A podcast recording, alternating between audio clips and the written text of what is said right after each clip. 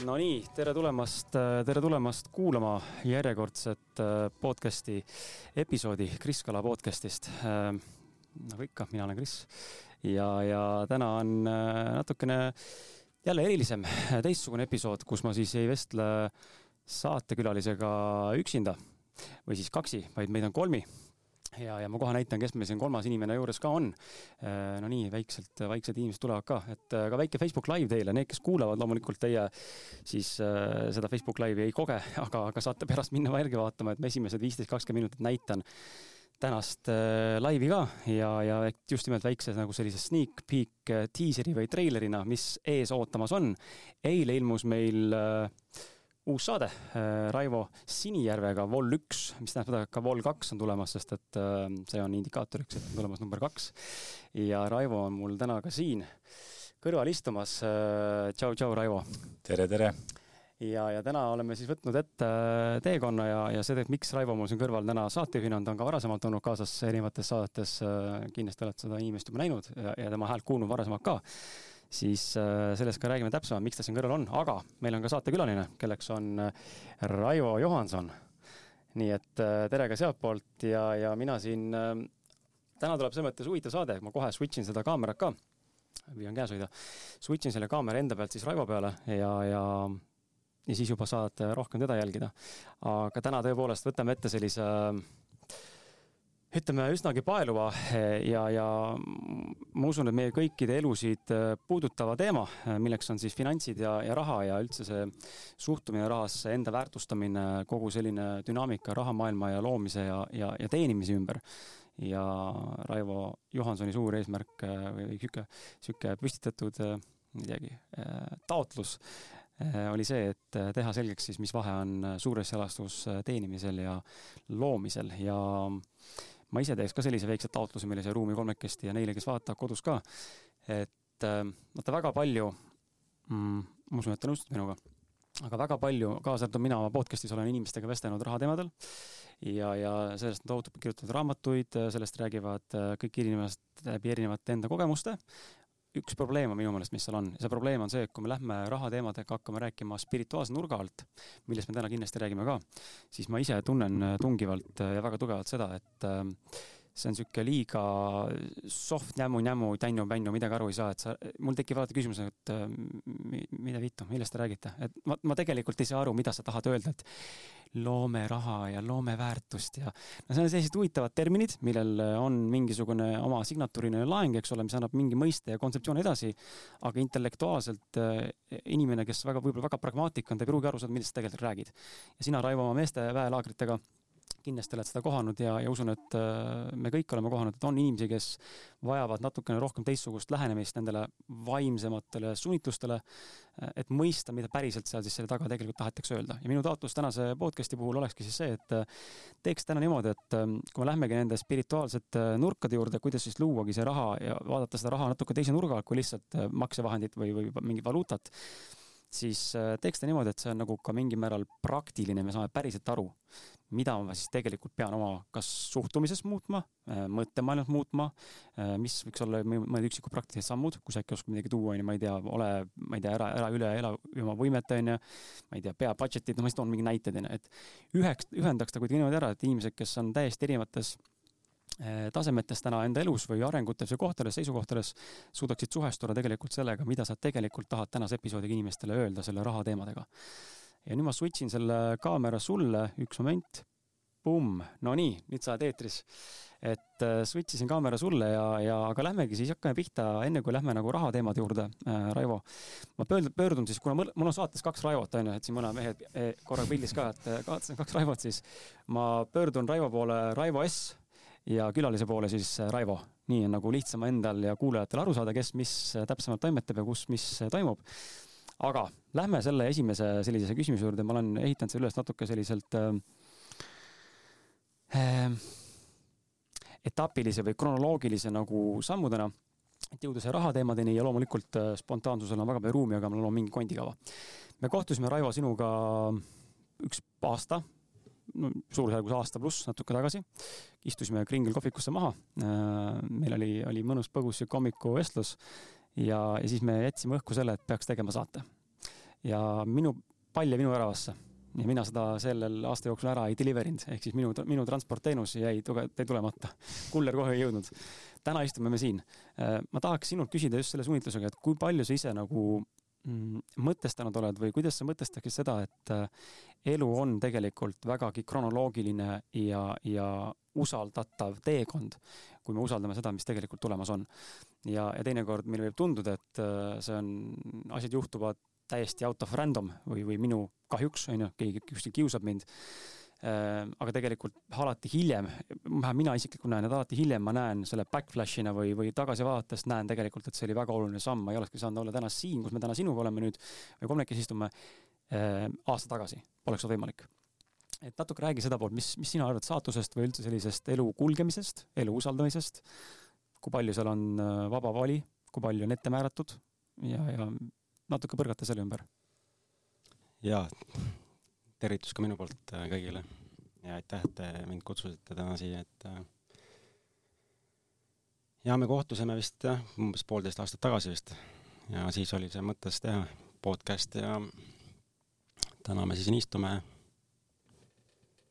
jagame teemat.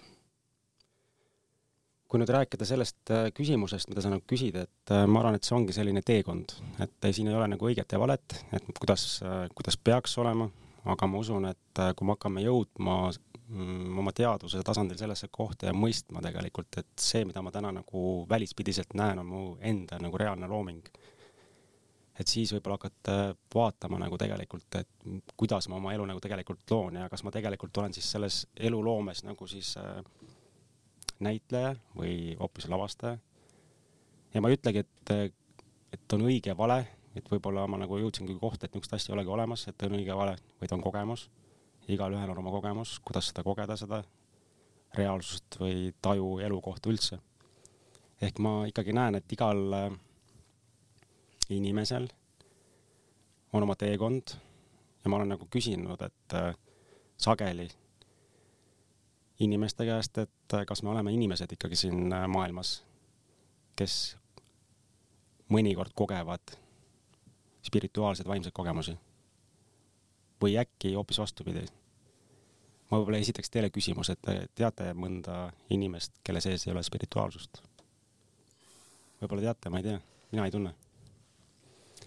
ja kui siit nagu edasi minna, eks, et siis äh, mis siis, kui me oleme nagu spirituaalsed olendid tegelikult ja kehastuses, lihtsalt läbi iseenda kogema mingit äh, loomet, reaalsust, ja kui me oleme nagu nii inimtasandisse, tasandisse kinni jäänud, siis me ei saagi aru, et midagi muud on olemas.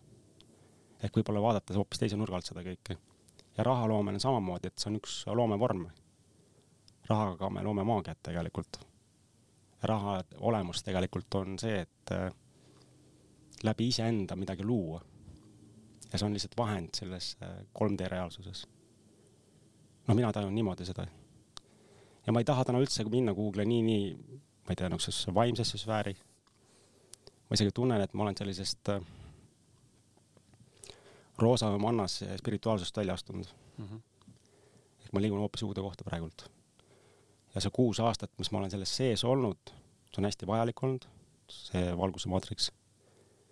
aga täna ma tajun, et äh, midagi nagu on muutumas kõiges, siin nagu me liigume. Ja väga paljuski on tegelikult see, kus me täna elame, on seotud ikkagi selles, sellega, et on maatriks, milles me elame. see on kollektiivteadus, ühisteadus ja see mõjutab igat indiviidi. ja see on koht, kuidas me saame nagu hakkama teadvustama, et kas ma nagu lähen sellega kaasa, muudan, muudan endas midagi või astun sellest välja ja, ja ka rahaloomega sama asi, millest täna võib rääkida siis. ma korra küsiks täpsustuseks, mida sa selle roosa manna all mõtled? just selle roosa manna spirituaalsuse all? see on niisugune sügavam teema, aga ma näen, et mm, kuidas ma seda seletan siis see spirituaalsus, milles me oleme nagu pärast pika, päris pikalt nagu elanud, võib olla ka üks põgenemistee tegelikult mm. -hmm. et mitte nagu päriselt vastu võtta seda, mis on. Nagu alkoholism ja porno ja kõik, mis siin taga on, eks, on ka spirituaalsus üks põgenemiskoht tegelikult. ma olen seda hakanud läbi, läbi, läbi, läbi nägema tegelikult. ja see on hästi palju seotud sellega tegelikult, et äh, kus on ka valgus, seal on ka vari. ehk äh, äh valgusmaatriksis alati on valgus ja on ka vari ja vari mõjutab meid hästi tugevalt. kõik kollektiivteaduse uskumused, kõik kollektiivteaduse sellised programmid, kontseptsioonid päriselt nagu muuda-, mõjutavad meid igapäevaselt ja me ei tea seda ja siin on ka hästi tugevad rahaprogrammid sees, rahauskumused.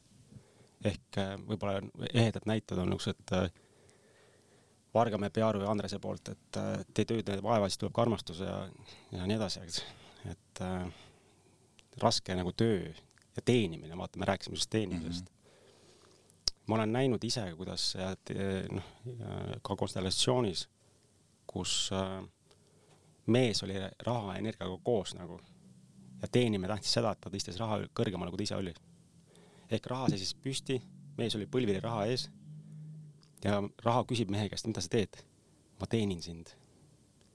raha ütleb, et aga ma ei ole sellepärast siia tulnud. ma tegelikult olen sellepärast sind tulnud, et sind toetama ja sind teenima. ja kui me räägime rahaloomest, siis rahaloome tegelikult tähendab seda, et äh, ma loon raha läbi iseenda, mitte ma ei teeni raha. sellest võiks nagu täna rääkida siis mm. -hmm. see on äh, hea, et sa seda mainisid, sest et äh, mul just äh, elukaaslane käis eile Anneli juures mm. enda väärtustamise ja enda selle raha teemadega tegelemas ja, ja, ja, ja temal näiteks on ka see suur uskumus, et raha tuleb hästi raskesti. Siis ta eile mängis sellega ja sai aru, et raha tuleb hoopis kergelt, et see nagu sai kuidagi parema tunnetuse, et see tõepoolest saab tulla kergemalt, ta sai mingeid näiteid, kust kohe saaks täna tekitada väga lihtsasti raha niimoodi, et noh, a la ma ei tea, teen midagi täiesti pseudot onju, kastan midagi või, või pärast midagi müüd, eks ole, või, või kui ei tea, rohin midagi, teen, eks ole, sealt jälle saab võib-olla tekitada mingi müügiasja. et äh, tal tekkis nagu arusaam, et raha saab tulla tegelikult kergelt, see ei pea raske olema, et ähm, ja see on huvitav aspekt, et see on nagu nii sisse juurdunud, aga jällegi mulle tundub, et äh, vaata mulle, mulle tundub natukene mm,, et see on nagu afirmatsioonidega, ma siin ükspäev tekkis sihuke mõistmine, et äh, kui meil on uskumus, onju siis afirmeerida endale seda uskumust tugevamaks äh, või veendumust tugevamaks on palju lihtsam, kui panna mitteuskumine afir-, läbi afirmatsioonide, läbi teadliku ajupesu, panna ennast uskuma. ehk kui mul on uskumus, et ma olen, äh, raha tuleb kergelt, siis ma afirmeerin, et raha tuleb minu juurde, seda on palju, raha armastab mind, ma armastan raha, kõik on mingi, kõik on neutraalne, onju, ma ei pane sellele tähtsust bla,, blablabla, onju, kõik voolab siis seda on lihtsam vastu võtta ja endale afirmeerida, sest see tundub mulle usutavam, kuna mul on kogemus olnud eelnevalt juba, et raha tõepoolest tuleb kergemalt. aga mul puudub uskumus, ehk mul puudub ka elukogemus, et raha tõesti on raske, ma käin seal kuskil füüsiliselt raskel tööl ja ja, ja toimetan, eks ole, siis äh, seda afirmeerida ümber on keerulisem, sest ma teen endale justkui nagu teadlik ajupesu ja see ei pruugi töötada, sest et seal on alateadvus ka hõivatud. et kas sina oled enda elus kogenud seda või oma inimestega siin nüüd ütleme meestega kokku puutudes rahateemat lahanud, et kas see nagu on ka midagi, mida ma räägin, on see nagu relevantne ka sinu arvates või teie mõlema arvates või kuidas sa nagu läheneksid sellele või, või kuidas nagu, kuidas sina näed, kõige lihtsam oleks muuta seda rahalist äh, teadlikkust või hakata seda teekonda sammuma, et kas sa pead enne kogema, et see päriselt on võimalik või sa saad enne kogemist ikkagi sisemiste taotluste või sisenditega, afirmatsioonidega anda endale nagu aimu, et nüüd on midagi muutumas, teha teadusnihe? jaa, see on väga hea küsimus. mina olen äh, kogemuspõhine ja kõik ei pea olema, me oleme väga erinevad. et selle kohta on minu arust hästi hea niisugune mm, erinev tehn-, tasand nagu äh, human design, mis õpetab inimese nagu äh, kehatasandi järgi nagu sel-, selgust saama, millised äh, kanalid on sul avatud ja nii edasi, et sellest ma võib-olla praegu pikemaks ei räägi, et sa huvi tunned, sa võid uurida human design'i kohta. aga mina olen jah, selline kogemuspõhine ja mul on hästi huvitav nagu teekond elus olnud, et ma olen tegelikult väga pikalt ju äris olnud sees. Ja viimased äh, viisteist või kakskümmend aastat kinnisvara valdkonnas ja tegelenud päris suurte rahadega. Mm.. Kinnisvara investeeringud, arendused. ja kaks tuhat kuusteist, äh, noh, minu enesearengu tee hakkas tegelikult pihta, ütleme siis kaks tuhat kaheksa ja siis kaks tuhat kuusteist äh, teatud valikute mõistes ma valisin siis niinimetatud ärimaailmast välja astuda ja hakata tegelema nagu inimestega. ehk siis äh, rohkem iseendasse veel rohkem tulema, et mõistsin, et kui ma nagu inimestega tegelen, siis ma hakkan veel rohkem iseennast nägema. Ja sealt tulid väga palju nagu uskumusi ülesse, tegelikult rahaga osa, osas äh, kollektiivsed, väga tugevad kollektiivsed äh, mustrid, mis mõjutavad meid igapäevaselt. kui nüüd rääkida afirmatsioonidest, siis äh, ma olen nüüd teinud väga palju nende elus, aga nad ei ole väga toiminud. see on nagu üles haipimine kogu aeg mm. -hmm ja see nagu üles haipimine tegelikult, äh, ma näen, noh, ma näen seda nii lihtsalt, eks, ja see on ent-, see on minu vaatenurk ja minu tõde, minu ehedus. Et see üles haipimine sageli ei aita, kui meie sees on äh, mingid teemad, millesse me ei julge nagu sisse vaadata ja ära lahendada enda sees ära. ehk mina, mina enda pealt äh, tajun, et äh, ma võin nagu üles haipida oma ennast afirmatsioonidega, aga kui mul sees tuumas on väga tugevad mingisugused varasemad uskumused, mis ütlevad, et see ei ole võimalik, see tegelikult ei ole võimalik, see ei toimi niimoodi ma ei usu sellesse, sa võid siia peale erinevaid kihte nagu lappida neid positiivseid asju. aga see ei, nagu ei loo ära, sellepärast et me loome praeguses hetkes oma mõtete, uskumuste, sõnade, tegudega. ja kui alateadvusest viskab üles kuuskümmend kuus tuhat mõtet nagu päevas, siis ma küsin, palju need on positiivsed nagu tegelikult. ja sa võid nagu lappida neid positiivseid -hmm. selliseid taotluseid peale või, või armatsioone. aga sisemiselt äh, alateadlikud need programmid äh, on niivõrd tugevad, et need ei lase ära luua ja minu sõnum on tegelikult see, et tegelikult kui nagu päriselt hakata nagu rahaga looma ja raha nagu ka nautima, siis ma tean inimesi, kellel on täna väga palju raha ja ka on meil teraapiates käinud, kes on Eesti mõistes väga-väga rikkad, sisenevad täiesti katki, õnnetud, ei suuda rahaga mitte midagi nagu luua. Pigem pidevas hirmudes elamise ja ma olen ise selles kohas ka olnud, kus mul oli väga palju vahendeid, aga sisemiselt olin täiesti katki, ärevuses rahulolematuses, hirm ilma jääda, teistel on rohkem. ehk äh, ma ei suutnud seda nagu raha nautida, sest ma olin kõik nagu loonud hirmutasandit oma alateadvuste programmidega. minu sõnum on see, et me saame seda nii end muuta, et kui me hakkame oma varju ehk alateadvuse programme, mis meil siin sees on, lahti ühendama ja ära laustama, et siis hakkab avanema meie sisemine kuld ja vägi alles. ja siis me hakkame päriselt nagu looma ja see maailm, kus me täna elame, see seitse pool miljardit inimest maailmas, see ongi noh, tegelikult terve maailm on ju kollektiivteadus, eks. aga mida me täna teeme, on see, et me, need, kes on valinud nagu tee teadlikumaks saada, need muudavad kollektiivteadust. ja mingi hetk lihtsalt see kollektiivteadus ei mõjuta enam nii palju meid igapäevaselt, et äh, seda rahaloomet samamoodi. Ja kõik muutub nagu noh, sisemiselt palju lihtsamaks ja kergemaks.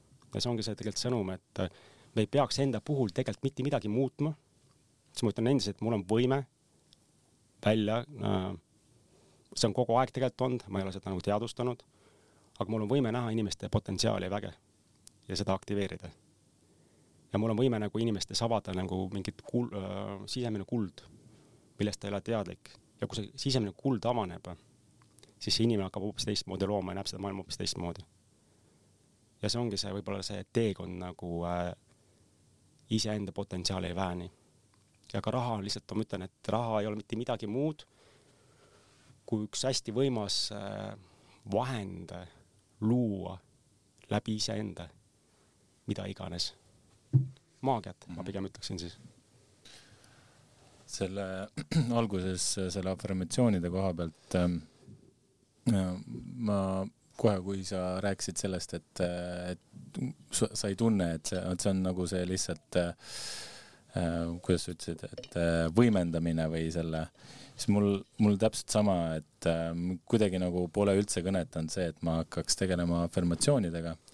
Aga mis mind äh, on näiteks aidanud, see raha osas, minul on äh, vanematelt tulnud see tugev äh, uskumus see, et raha tuleb raske tööga ja, ja see, see on mind nagu aastaid ja aastaid nagu täiega kummitanud. et kui ma lõpuks sellest aru sain, siis, siis läks tükk aega, aega, kui käis mingisugune muutus muus, et okei okay,, et see, et see ei pea tulema raske tööga. et kõigepealt muutus see, et okei okay,, äh, et töö ei pea olema raske aga nüüd on see, et see teine pool, kus raha tuleb ainult tööga, et kuidagi, et ma pean tegema reaalselt füüsiliselt mingeid asju, et see, et see tuleks, aga tegelikult see uskumus on ka vale ja nüüd on praegu ka see pool, millega vähemasti mina endas proovin nii-öelda muuta. noh, hea oleks üldse küsida, miks ma täna tööd teen, mis on selle mm -hmm. põhjus üldse, kas ma teen äh, raha teenimise pärast tööd, sellepärast et arved vajavad maksmist, liisingud vajavad maksmist mm, -hmm. laenud vajavad maksmist, et tegelikult ei vali liikuda selles suunas, mis ma tegelikult tahan mm -hmm. teha, mis on minu anne. ja see on juba iseenda madaldamine. sellepärast meie hingetasand või meie tegelikult potentsiaal valib hoopis midagi muud. me ei julge. minu sõnum on alati see tegelikult, kui me sünnime siia maailma, meil kõigil on kaasas erakordne anne. noh, võib-olla Krisi anne ongi noh, podcast'ide läbiviimine, sest ta teeb seda nagu nii hästi, eks. ja ta ongi oma selle potentsiaaliga kokku saanud, eks. ma tean inimesi, kellel on tegelikult äh, ülitugevad anded, ei julge seda valida. tead, miks või? meil on hästi tugevad äh, sellised alateadusprogrammid, kus me tunneme, et me oleme täiesti ebapiisavad. ja meil on äh, kollektiivne uskumus, eriti siis selles valgusmaatriksis, spirituaalses maailmas, et kui meil on väga võimas nagu anne, siis me peaksime seda mingit moodi kuidagi siis tasuta või siis väga väikese raha eest jagama. ja see on üks kõige suuremaid haake ja lõkse üldse ja ma olen selles kohas ise olnud ja lõpuks ma jõuan kohta, kus ma ise vajan abi. kuigi see, mida ma nagu läbi iseenda võiksin luua, ka see rahaloome, on nii võimas, et sellega sa võid luua mitte mida iganes, siis see, see kanal on täiesti kinni, sest ma ei julge sellele avaneda. ja selle taga on alati see, aga kes mina siis olen? ma ei tunne, et see on minu anne, sest ma võtnud seda iseenesestmõistetavana ja ma ei näe seda sisemist kulda mida ma tegelikult toon siia maailma ja ma ei julge sellele avaneda ja teha samme sinna suunas. ja kuidas nüüd avaneda sellele pärisele potentsiaalile või sellele oma väele siin sisse või sellele andele, ongi see, et ma hakkan päriselt nagu tunnetama ja vaatama, mis on see, mis mind tegelikult äh, tõmbab, kutsub ja kõnetab, mis paneb mu hinge helisema. see võib ükskõik mis olla, ega mina ei teadnud ka ju kümme aastat tagasi, et ma tegelen mingite äh, enesearengu teemadega või mingi nõustamistega või mingite asjadega, eks ma ei teadnud seda. aga see, see sisemine, ma, ma olen isegi unenäos näinud sellised unenägused, oh, see on äge umbes. aga ei julge nagu valida, sest mida teised must arvavad. eriti kartsin, mida mu vanemad must arvavad, mida mu sõbrad must arvavad, ärimaailmas oleme siis, mis äh, minu nagu äripartnerid arvavad ja ütleme, investorid arvavad. ja huvitav oli see, et kui ma nagu valisin nagu siis minna sinna, täiesti teises suunas, kus ma olen varasemalt käinud siis need inimesed, keda ma kõige rohkem kartsin, need tulid esimesena, patsutasid, patsustasid õla peale, ütlesid, et kuule, äge, mida sa teed. ehk millised uskumused neil taga kogu aeg on. ja siis me elame nagu võltselu, võltsreaalsuses, püüame pidevalt nagu siis olla keegi, olla tähtis, olla oluline. ma isegi küsiks sellise koha igaühe enda käest, et kas sa oled, soovid olla oluline? ja miks sa soovid olla oluline? Vaata, mis programmid seal taga on. ja mis siis, kui sa valid olla mitteoluline, siis avaneb vägi. sest kõik see, mida sa seostad sellega, ma tahan olla oluline, on juba seotud sellega, et ma tahan olla keegi, silma paista, sest muidu ma tunnen, et ma ei ole ju piisav. ma pean pidav, pidevalt pingutama, rohkem raha looma. ma olen seda nagu hästi palju seda äh, seda seika nagu jaganud, kui ühel päeval käisid kaks meest äh, nõustamisel üks oli tuntud äh, ärimees, kelle varad kukkusid siin kaks tuhat kaheksa, kaks tuhat üheksa aastal vist seitsekümmend, kaheksakümmend miljonit eurot äh, kahekümne peale, ütles, et eluisu ei ole. Majad pidi maha müüma Hispaanias, kaatrid maha, sõprade ring kukkus kokku. Mm.. no päriselt ka nagu noh, kinni, noh täiesti kinni, eks. ja samal õhtul tuli üks audiitor, ma isegi ei mäleta, kus ta töötas, minu arust Maksuametis, kelle palk oli mingi tuhat viissada eurot ja tegi mingi apsu sisse ja see kukkus üheksasaja peale. ta kulud olidki iga kuu tuhat viissada. noh, rent ja söök ja ta ei osanud mitte midagi muud teha. ja see oli kolmas aasta, kui ta juba siis see miinus nagu siis tiksus ja ütles, et eluisu ei ole. kujuta ette, ühel mehel siis oli kaheksasada, üheksasada eurot kuus palk, teisel oli kakskümmend miljonit ja mõlemal täpselt samasugune uskumusprogramm. ja mille poole me siis nagu liigume? ja miks me seda teeme üldse? See on hea koht endalt küsida, miks ma seda üldse teen. ja mis ma päriselt nagu tegelikult taha, teha tahan. ja ma ütlen, et raha ei ole tegelikult vale, ma ütlen päriselt selle välja. see uskumus, kui ma mm, läksin nagu siis äh, mingit moodi nagu siis sellesse valguse maatriksisse, see natuke, natukene sellesse roosasse mannasse, siis äh, ma isegi ei saanud isegi aru, kuidas on võimalik seal nagu elada, sellepärast et kui mul varasemalt ikkagi liikusid suured rahad ringi ja mul meeldis mängida rahaga päriselt, sest äh, noh, investeerimine ja kinnisvara on hästi äge valdkond, mis alati on mulle meeldinud. ja kui ma nagu läksin sellesse äh, tervendusmaailma, nõustamismaailma, jooga, meditatsioon ja ma ei saanud nagu aru, et kuidas inimesed elavad, sest äh, noh, keegi tuleb sulle, maksab viisteist eurot ja sul on nagu päriselt vaja nagu kuu lõpuks mingid asjad ära maksta ja pere ja kõik asjad on taga, et et kuidas see nagu võimalik on, eks. aga ma nägin ka seda, seda tegelikult, et varasemalt ükskõik kui palju mul raha oli, see võis ka olla kuuekohaline number konto peal, ma tundsin kogu aeg, et sellest on vähe ehk hirm oli sellest kogu aeg ilma jääda. ja see on väga tugevalt see kollektiivteaduse mõjutusega. et ükskõik kui palju ma oman, sellest on ikka vähe. ja ma pidin selle kogemuse võtma siis sellisena, et mul ei olnudki enam mitte midagi. aga kogu aeg tiksus juurde. ehk ma läksin nagu puuduse teadusest üle külluse teadusesse, et kui praegult ei ole, siis kohe tuleb. Vanasti oli see, et kui tegi, tuli suurem summa raha, siis lükkasin rinna ette, onju siis kui hakkas otsa saama, siis läksin küüru jälle no see on niisugune põhi nagu teema nagu. ja kui nüüd jõuda nagu raha juurde taha, tagasi, eks, siis raha olemus tegelikult noh, puhtal tasandil rääkida, on puhas energia. see kõik, mida me maailmas tegelikult tajume, on energia, eks. isegi kui see mentaalne tasand, mõistus ei saa sellest aru siiamaani. ja kui nüüd võtta nagu rahalt ära kõik need kollektiivteaduse uskumused, mustrid ja kogu see niisugune raske energia sealt ära siis raha lihtsalt on energia, mis loob nagu maagiat. ja ma nägin ära mingi hetk, et äh, ma tegin raha valeks. ja tegelikult ma ei julgenud välja öelda, et raha mulle meeldib. ja ütlesingi, ja ma nägin ära, et ma panen juba siis oma selle rahavoo kinni, sest ma tegelikult, kui ma ütlen enda sees välja, et tegelikult raha ei ole okei okay,, et raha on must ja räpane ja, ja raha on õel ja kade ja manipuleeritav, juba siis ma panen kinni, sest äh, ma ei luba sellele tulla ju ja ma sain tegelikult aru, et kui ma teen juba raha iseenda jaoks valeks, siis ma ei anna ka võimalust läbi raha endale siia maailma midagi luua. ma tahtsin tegelikult äh, luua mingit äh, suuremat keskust ja mul jäi selle raha taha tegelikult. ja siis tekkis küsimus. kui mul täna nagu mm, oleksid vahendid või ükskõik kellel, eks, ükskõik kes sa täna oled ja tahad maailma paremaks kohaks muuta, ka teie näiteks, siis kas see on see parem kui sa elad vaesuses ja puuduse teaduses või külluses ja rikkuses. ja usu mind, et neid teadlikke inimesi, kes siia maailma juurde tuleb iga päevaga, need loovad siia maailma maagiat. kas või see, mida noh, teie teete, et äh, lihtsalt neid äh, erinevaid nagu äriideid, mida te loote, see loob siia maailma enamat, eks. ja kujutage ette, kui teil oleks endal need vahendid olemas, seda kõike luua. et see on ainult üks uskumus. Et äh, me ei, me ei peaks nagu raha vastu võtma ja see loob nagu rahaprogrammib äh, täiega kinni meil. ehk raha olemus on tegelikult puhas energia, kui me raha küljest võtame ära kõik varasemad uskumused, manipulatsioonid, kõik, mis siia sisse on nagu topitud, siis rahaga saab ainult maagiat luua. ja see ongi see point tegelikult. nii, nüüd on äh, stopp stopp, nüüd enne kui, enne kui lähme edasi, mul on kaks asja, mis mul kohe kinni haakisid ja püüan nüüd siis äh, kuulajad tagasi viia ka, sest et äh, mm, infot oli palju sinu poolt, äh, väga head, väga head mõtted ja mind pani mõtlema kahes kohas ja ma tahan täpsustust sinu käest kuulda.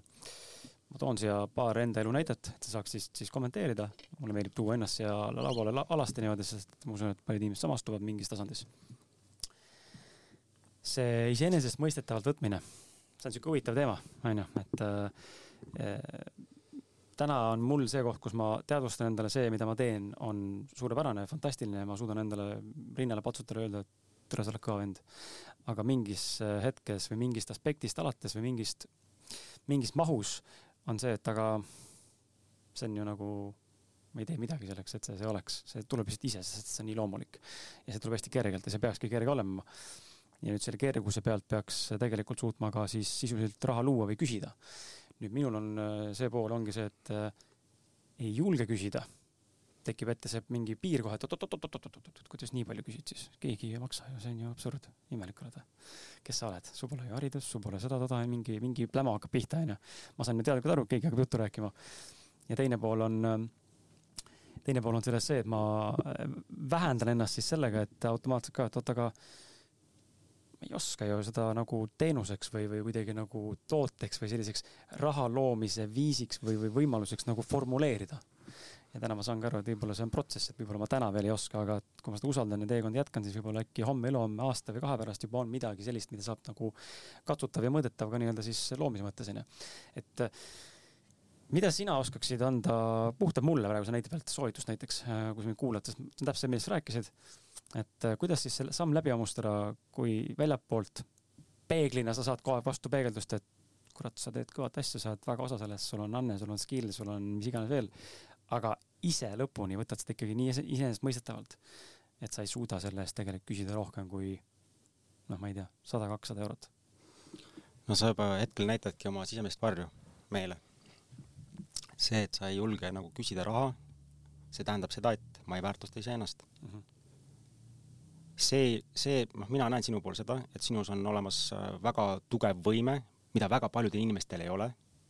sa ise ei näe seda ja sa võrdled, see on ise noh, kui rääkida nagu arhetüüpidest, siis on niisugune lapse arhetüüp, kes nagu kogu aeg võrdleb, küsib, kas on ikka õige, kas ma tohin teha.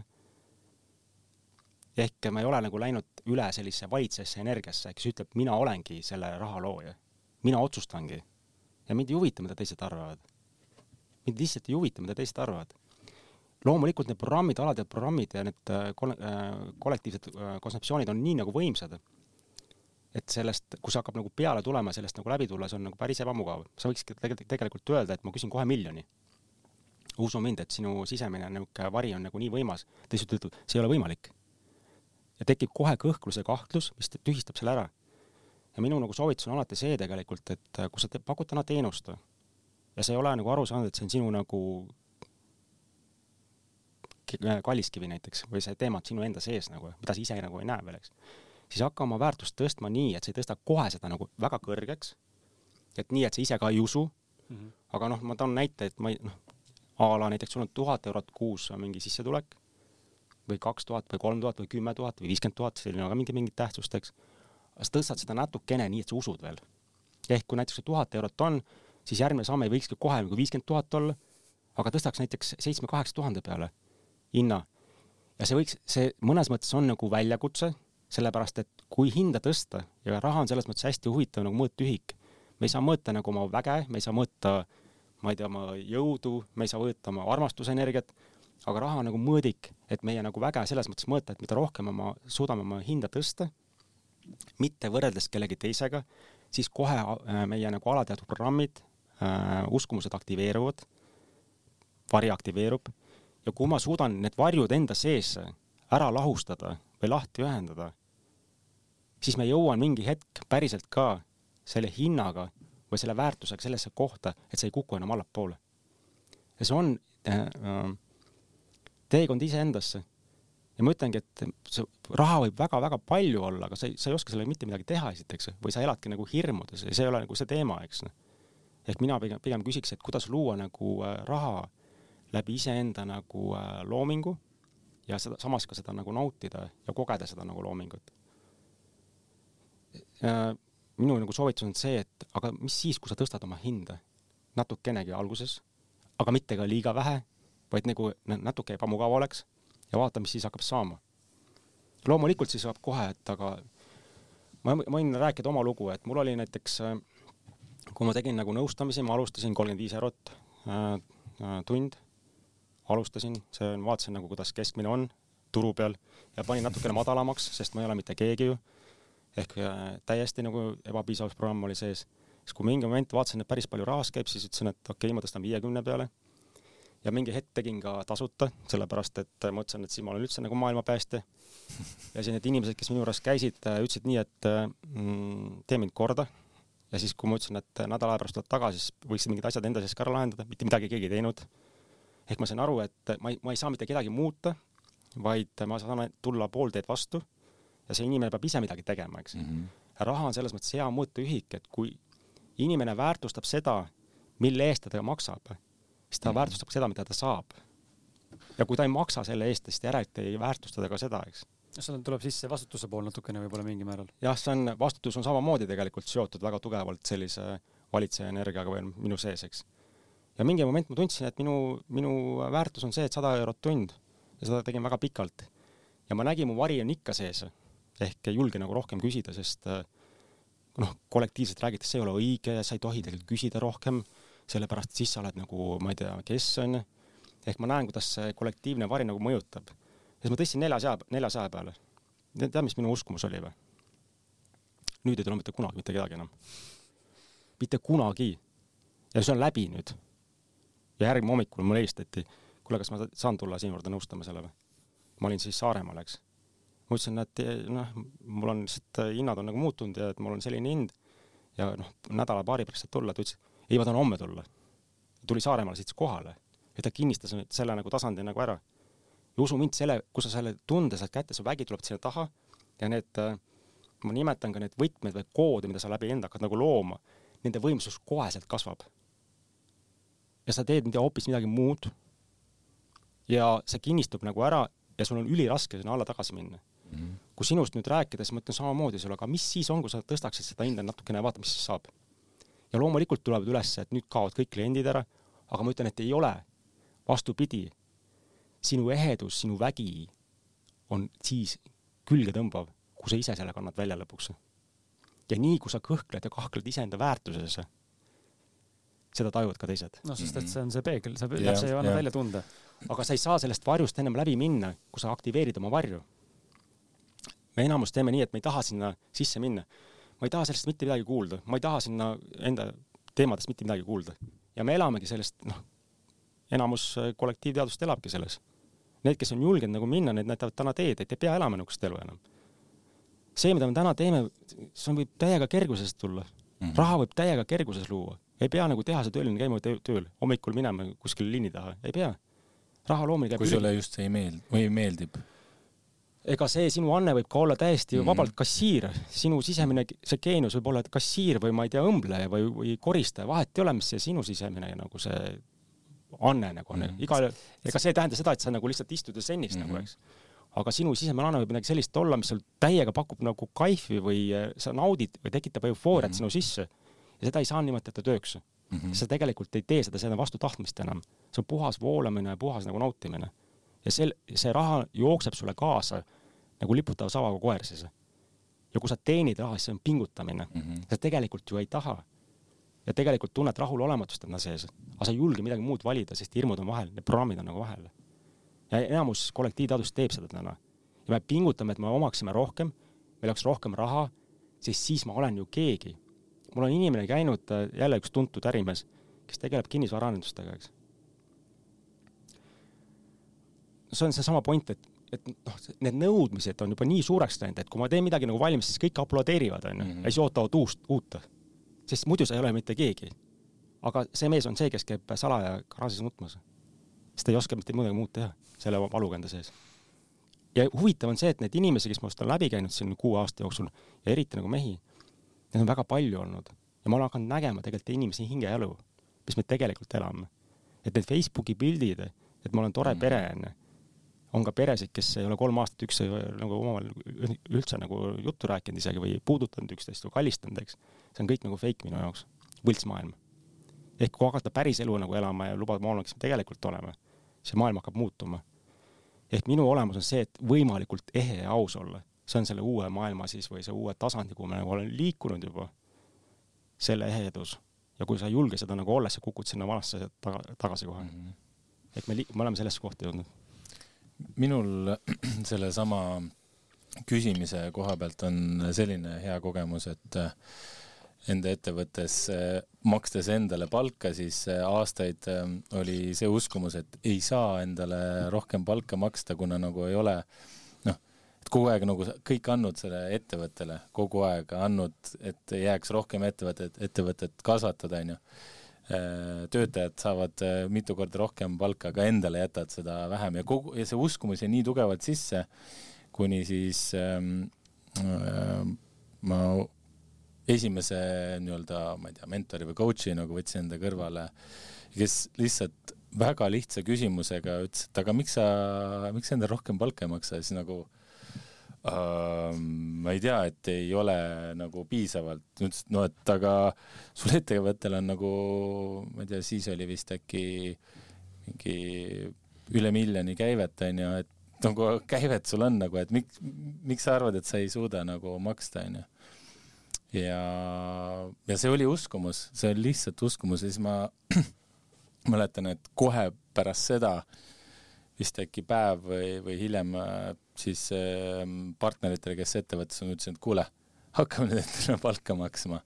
ja, ja see oli nagu kõik okei okay,, noh, et hakkame, davai, et eh, teeme, et me ei teinudki muidugi, et maksame kohe mingi retsilt palju, aga sihuke märgatav eh, tõus oli kaks korda rohkem nagu. et eh, selles mõttes see oli uskumus ja nüüd täna äh, ma ei tea, see on nagu kadunud, see arusaam, et, äh, et ei ole piisav, see on, äh, see on lihtsalt üks äh, uskumus olnud. Ja ma isegi ütleks, et tegelikult kui me nagu läheme natuke sügavamale, siis tegelikult on see, et mm, meie teaduse ümber on selline nagu varjuloor ja neid uskumusi, mis siin nagu on, neid võib kihiti olla mm -hmm. väga palju. see, et, et see uskumus, mis sa nagu nähtavaks praegult tõid, et et ei ole vahendeid, ma ei saa nagu maksta, oli lihtsalt pealiskiht tõenäoliselt, eks.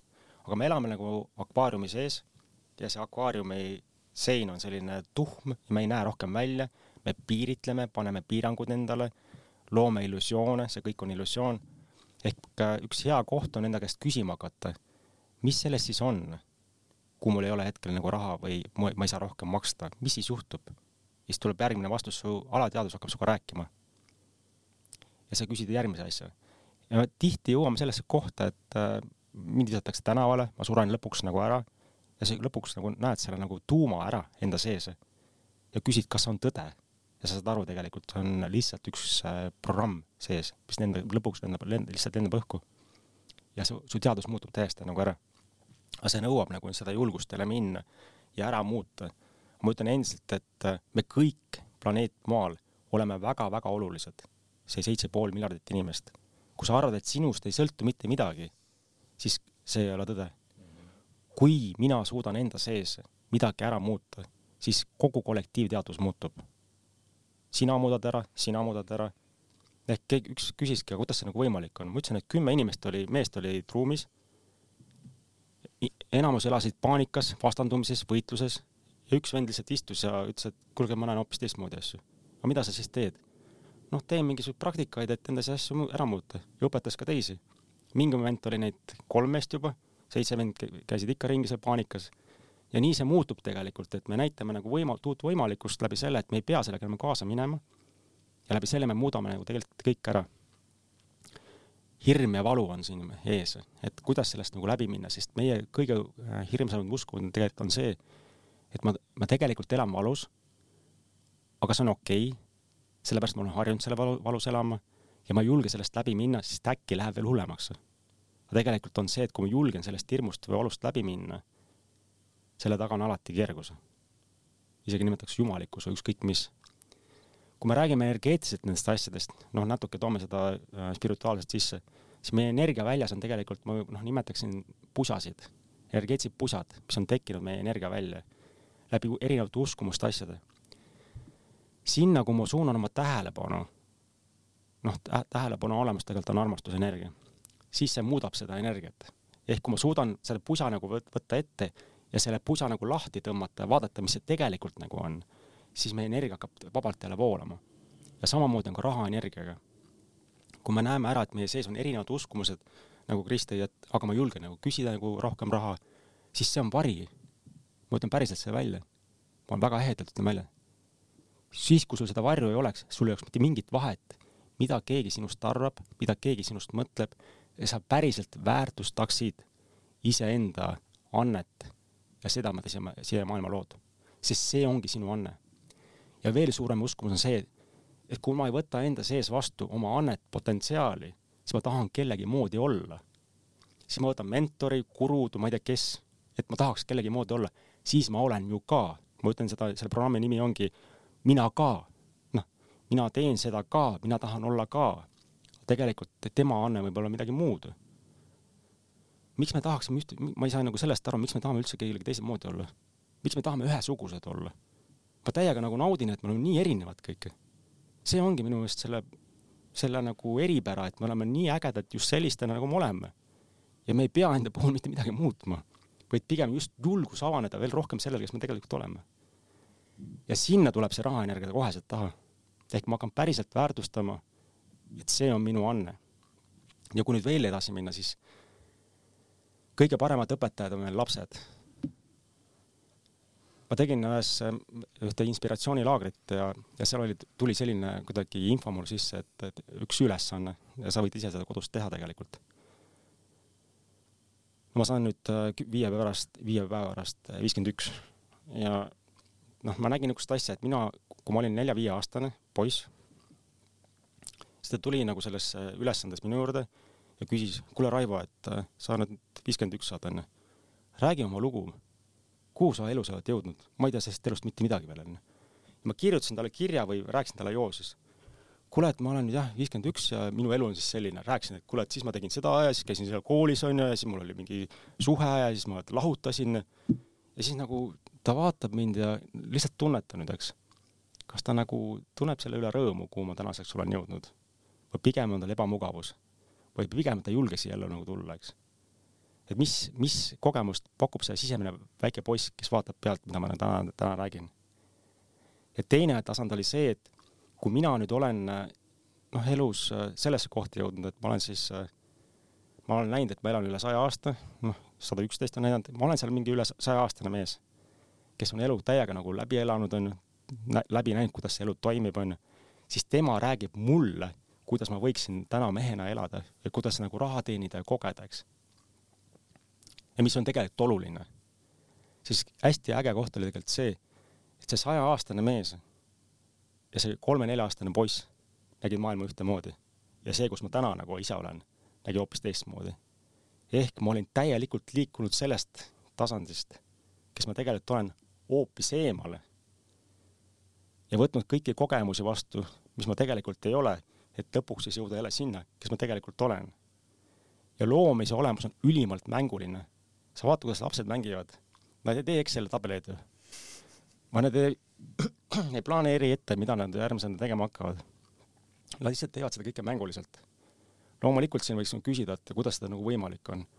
aga ma usun seda, et mida rohkem me julgeme minna sellisesse lapselikku mängulisusesse ja hakata nagu läbi iseenda seda nagu ka looma, see on hästi ehe ja mis kutsub teisi inimesi kaasa. ja usu mind, et kui sa oled niisugune hirmudes elav mm,, niisuguses äh, raskuses elav inimene, sa võid ükskõik mida nagu luua, see ei, see ei ole külgetõmbav. ja seda on näha tegelikult, miks osad inimesed siis on külgetõmbavamad ja osad mitte, sest nad julgevad olla ehedad. ja need, need ei huvita, mida keegi teine arvab. Ja see ongi see, kuhu rahaenergia liigub, alati eheduse poole. mul kohe siin äh sa ütlesid, et äh, lapsed on mängulised ja, ja see, kuidas nad kõike läbi mängu teevad, et me võiksime seda muidu ka teha. et äh, ma ei tea, kust mul see tulnud, aga ju siis mul on see ikkagi niivõrd tugevalt sees, et ma olen kogu enda ettevõtet kogu aeg teinud selliselt, mulle ei meeldi Exceli tabelid ja ma äh, see mida rohkem igasugust paberimajandust, see, see mind ei huvita. mind eh, huvitab rohkem see looming ja, ja ma olengi seda hästi palju kõik need aastad enamasti tugevalt nagu teinud. ja no ma ise täna näen, et, eh, et see edu on ka nagu selles äh, olnud. aga mingisugustel hetkedel, vaat kui see ei õnnestu, siis hakkad vaatama, et okei okay,, mis ma, mis ma nii-öelda valesti teen ja siis äh, vaatad, okei okay,, siin äh, see ettevõtja või see onju, tema teeb hullult Exceleid ja mingit värki onju, kurat, kas ma peaks ka nagu Exceldama hakkama, kõik täpselt nagu vaatama, et siia läheks nii palju, sinna nii palju onju. ja siis tulebki see arusaam, et näed, temal nagu asi toimib onju tema teeb Excelit ja siis mina olen see, kes ei tee ja mul see nii hästi nagu ei äh, toimi. ja vaata, see juba hinnangute andmine, see on hästi huvitav koht. miks me anname hinnanguid üldse, oled tähele pannud seda või? kas te, kas te teate, miks me anname hinnanguid või? no pigem nagu see on see võrdluse koht on ju, et mina olen siin, mul nii ei lähe on ju ja siis ja ma vaatan nii-öelda teist on ju ja et näed, tal läheb, aga tegelikult loomulikult ma ei näe päriselt tema seda, seda, kuidas tal läheb, muidugi see on ka üks pool on ju, et. jaa, et selles mõttes ma olen nõus, et äh, ma ise olen nagu näinud sellist asja, et me anname hinnanguid teistele ja ka iseendale ainult sellepärast, et me ei julge vaadata enda sisse mingit teatud tuuma mm., mis tekitab ebamugavust ja nii lihtne on anda siis hinnang välispidiselt, et enda sees mitte midagi ära muuta natuke läheb, tahaks, tahaks nagu tuua sõna õigustus siia juurde, et äh, kelle eest sa ennast õigustad? noh, see ongi, et iseendale täiesti mõttetult hakkad õigustama kas enda tegemisi või siis õigustad seda, et aga noh, ta teeb seda sellepärast, et, et äh, nii ta on, nii on. või see on nagu õigustusvabandus äh, slaš midagi muud veel juurde. et kõige parem on, või noh, minu jaoks oli väga võimas teepame see, et õiget valet ei ole ka olemas. lihtsalt kogemus. iga kord saate uuesti teha paremini, kui tahate juba see, et ma hakkan ennast madaldama, hinnanguid andma, tümitama, mida ma olen, noh, olemegi väga pikalt elust ju teinud, onju, see näeb, et ma ei väärtusta iseennast, kes ma täna olen. ja elan väga tugevate kollektiivuskumuste, ühisteadususkumuste järgi. ja huvitav koht on veel see, mida ma ennem nagu rääkisin, et see, mida sa täna nagu tajud raha osas, kõige osas, mida sa nagu tajud, need hirmud, ebapiisavused, kõik, mis sul sees on, ei ole sageli sinuga seotud sest sa oled üks osa sellest kõigest, äh, sellest, kus me täna elame. ja kui sa oled nagu natukene tundlikum, siis see, mis sa hommikul ärkad üles ja tunned enda sees, et mingi asi kerib, mis siis, kui see ei ole sinuga seotud? ja ma tihti küsingi, et oota, mis energia päev tahab minu, läbi minu voolata praegult. ja loob, jumala puhtaks lööb kohe. ma olen hästi pikalt olnud ärimaailmas, terve elu, ja ma olen alati ettevõtja olnud. ma, mulle ei ole sobinud tegelikult kuskil töötada. see on minu olemus, ma ei tea, miks. ja, ja ma olen liikunud teise äärmusesse ka, ehk siis äh, kaks tuhat, äh, no kaks tuhat kaheksa ma hakkasin enesearenguga tegelema, siis ma nägin ära, et ma olin täiesti rahulolematu, isegi siis, kui mul oli väga palju raha, ma olin täiesti rahulolematu. Ja ma nägin, et minu ümber minu sõbrad olid täpselt samasugused, et hirmud, antidepressandid, alkohol äh,, porno, kõik, mis sinna taha tuli, et põgeneda, põgeneda, põgeneda. ja noh, mingi hetk oligi raha nagu nii palju tegelikult, et äh, oligi üks pidu kogu aeg ja pohmell pidu ja pohmell ei, ei suutnud välja sellest tulla enam, eks. kui ma lihtsalt tegin nagu otsuse, et nüüd aitab. ja siis ma hakkasin nagu enda sisse minema, nägin tegelikult, et äh, ma tegin alkoga täiesti stopp, et äh, nüüd on kõik. ja minu teadvus hakkas nagu läbi selle muutuma, hakkasin uuesti nagu värve nägema. ja kõik hakkas nagu selle, läbi selle muutuma. hakkasin lihtsalt tegelema enda äh, sisemise nagu rahuga, meditatsioonide ra, sellega, sest ma tundsin, ma olen kogu aeg nagu ärev, ärev, ärev, permanentselt ärev, ärev, rahulolematu, ärev, hinnangute andmine suhted teistega olid väga keerulised, eriti lähedastega. ma sain aru, et ma ei saa neid inimesi muuta ja seda olukorda, mis väljaspidiselt on, ma teen endaga nagu. ja siis ma liikusin nagu mõnes mõttes nagu teise äärmusesse. noh, sellesse niinimetatud spirituaalsesse äärmusesse, vaimsusesse, noh. ei võtnud enam vastutust nii palju, on ju, ja nii edasi ja nii edasi, et läksingi sellesse tsenn ja küll usaldan, et kõik, eks. noh, läksin teise äärmusse ära. ja ma olen see kogemuste põhine, eks, ja ma olen need mõlemad äärmused nagu täna kätte saanud ja ma ütlen, et minu jaoks on kõige parem koht siin keskel. sellepärast, kui ma olen iseendaga kontaktis, sisemises rahus, omas väes, siis see, mida ma läbi enda nagu loon, on kardinaalselt teine, kui ma loon seda läbi hirmude, paanika, ka läbi rahahirmude, et olla ebapiisav, ükskõik mis, siia, mida ma nagu sellesse nagu enda maailma nagu loon või siis üldse nagu kollektiivteadusesse, no on täiesti erinevad kohad ma näen nagu päriselt ka, kui paljudel inimestel täna on äh, nii suured rahahirmud, et nad teevad ükskõik mida, et hommikust õhtuni ennast ribadeks tõmmata ja viiekümne aastaselt ära surra mm. -hmm. meie keha on loodud tegelikult äh, rahulikult elama kaksasaja, kahesaja, kolmesaja aastaks. ja see, kui me täna nagu jõudnud oleme läbi selle lõhkumise, see näitab lihtsalt seda. et minu sõnum tegelikult on see, et, et äh, see on nüüd võib-olla mingisugune niisugune trigerdus siia, siia saatesse aga sellist asja nagu materiaalne maailm ja ärimaailm ühel pool ja spiritua-, spirituaalne maailm teisel pool, sellist asja ei ole olemas. on ainult üks maailm see, et see on, me seda niimoodi tajume, see on lihtsalt üks äh, väga suur äh, vale. me elame ainult ühes reaalsuses mm. -hmm. ja me tajume seda maailma lihtsalt äh, väga teistmoodi ja sellepärast ka ütleme, väga paljuski oleme läinud sellest mõistuse tasandisse, mentaalsesse, ei mõista tema oma tegelikku olemust, anname hinnanguid, eriti antakse hinnanguid, ma olen no, näinud, kuidas erinevate spirituaalsete inimestele antakse hinnanguid, need on mingi huugupuugud onju, aga ma küsin, kui sa natuke nagu hingad ja küsid, kes on sinu sees või kust sa üldse tuled või natuke avarda ennast natukene, äkki hakkad nägema, et sa ei ole lihtsalt see keha või mingi lihatükk siin. et äkki on midagi nagu muud. Ehk äh, mõista tegelikult, et äh, sina oledki üks äh, osa sellest, kes läbi iseenda selle keha nagu loob. ja kui me nagu räägime teaduse muutusest ikkagi, siis me, see teadus on muutunud, muutumises, kõik me ärkame ja aina rohkem maailmas, siis me mingi moment nagu tajume tegelikult, et keha ongi nagu, nagu mõnes mõttes ma olen öelnud nagu kosmoselaev ja me läheme rohkem mõistuse tasandist, liigume nüüd kehateadusesse.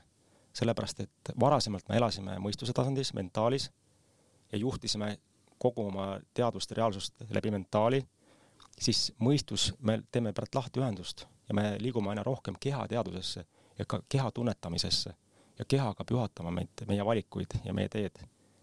ja see, kui me rääkisime nagu samamoodi, et tunnetamisest või midagi sellist, siis see ka muutumisest, meil, meie sisse hakkab tekkima maitse hoopis. ehk sulle meeldib kohvi, sulle meeldib tee, siis ka raha maitse tekib. ja see raha maitse on see, mis hakkab looma. see raha maitse võib olla sulle viiskümmend eurot, see võib olla tuhat eurot, see võib miljon eurot, seal ei ole mitte mingit tähtsust. aga sa tunned selle maitse enda sees nagu ära ja sa võid pidevas muutuses olla ja see maitse tegelikult loob ja kutsub sinu ellu vahendeid. ja kui see on puhas maitse sinu sees, ilma uskumuseta, ilma erinevate kontseptsioonideta, varasemate mm, programmideta, mis on tulnud ka meie esivanemate ja kollektiivselt seal kool, lasteaed, igalt poolt, eks. see puhas maitse on, sa võid hetkega luua mida iganes. ja see on, see on nagu päris. seda ma kogen tegelikult, sa võid oma ellu luua mida iganes sest kui me laseme oma varju lahti, siis me hakkame maagiat looma. ja ma kogen seda päriselt oma elus. sa võid luua mitte mida, mida iganes, noh. ja see ongi see point, milleks me tegelikult oleme siia kehastusse tulnud. et läbi inimkeha kogeda maagiat, mida ma iseendaga loon. Ja see on ainult programm, et ma pean teenima raha. see on väga tugev nagu manipulatsiooniprogramm. raha on tulnud meile appi ja meie kontol tegelikult, kui me tuleme siia kehastusse, peaks olema kogu aeg täidetud ja me võime luua mida iganes, lihtsalt ei usu sellesse. ja see, mida hetkel läbi teeme, muudame seda kõik koos ja ärkame sellesse. ja see on hästi huvitav teekond tegelikult, kus me oleme jõudnud. see on, tuleme kohe selle juurde tagasi ka, aga ma tahtsin äh, korra viia tähelepanu tagasi jälle, ütleme sihuke mm, mõnda aega tagasi räägitud äh, sinu poolt äh, teemadesse, mul on sihuke huvitav, jälle ma kasutan võimalust äh, ma kasut-, kasutan sind täna siin saates täiega ära, sest siin sa istud mul laua otsas ja igapäevaselt ma sind ei näe. et äh, mul on siin paar punkti meelest ära läheks, aga mul on sihuke huvitav paradoks äh,, mille ma läbi hammustanud. jutt, mis sa räägid, kõik kõlab väga loogiliselt ja, ja ma tun, olen tunnetanud ja kogenud väga palju asju nüüd viimase ka me oleme transurfingut siin äh, poolteist aastat suurusjärgus. see on tohutult avanud mu silmi. ma ei tea, kas sa oled raamatut äh, transurfingu lugenud, eks ole, ma ei ütle, et see nüüd püha piibel on, aga ta on minu jaoks olnud üks viimase aja kõige äh, paremini selgitavamaid äh, viise, kuidas üks võimalik maatriks võiks töötada mingites aspektides. kõigega nõus ei ole, aga väga suures laastus ma näen oma kogemust ja see tõesti nagu on niimoodi juhtunud.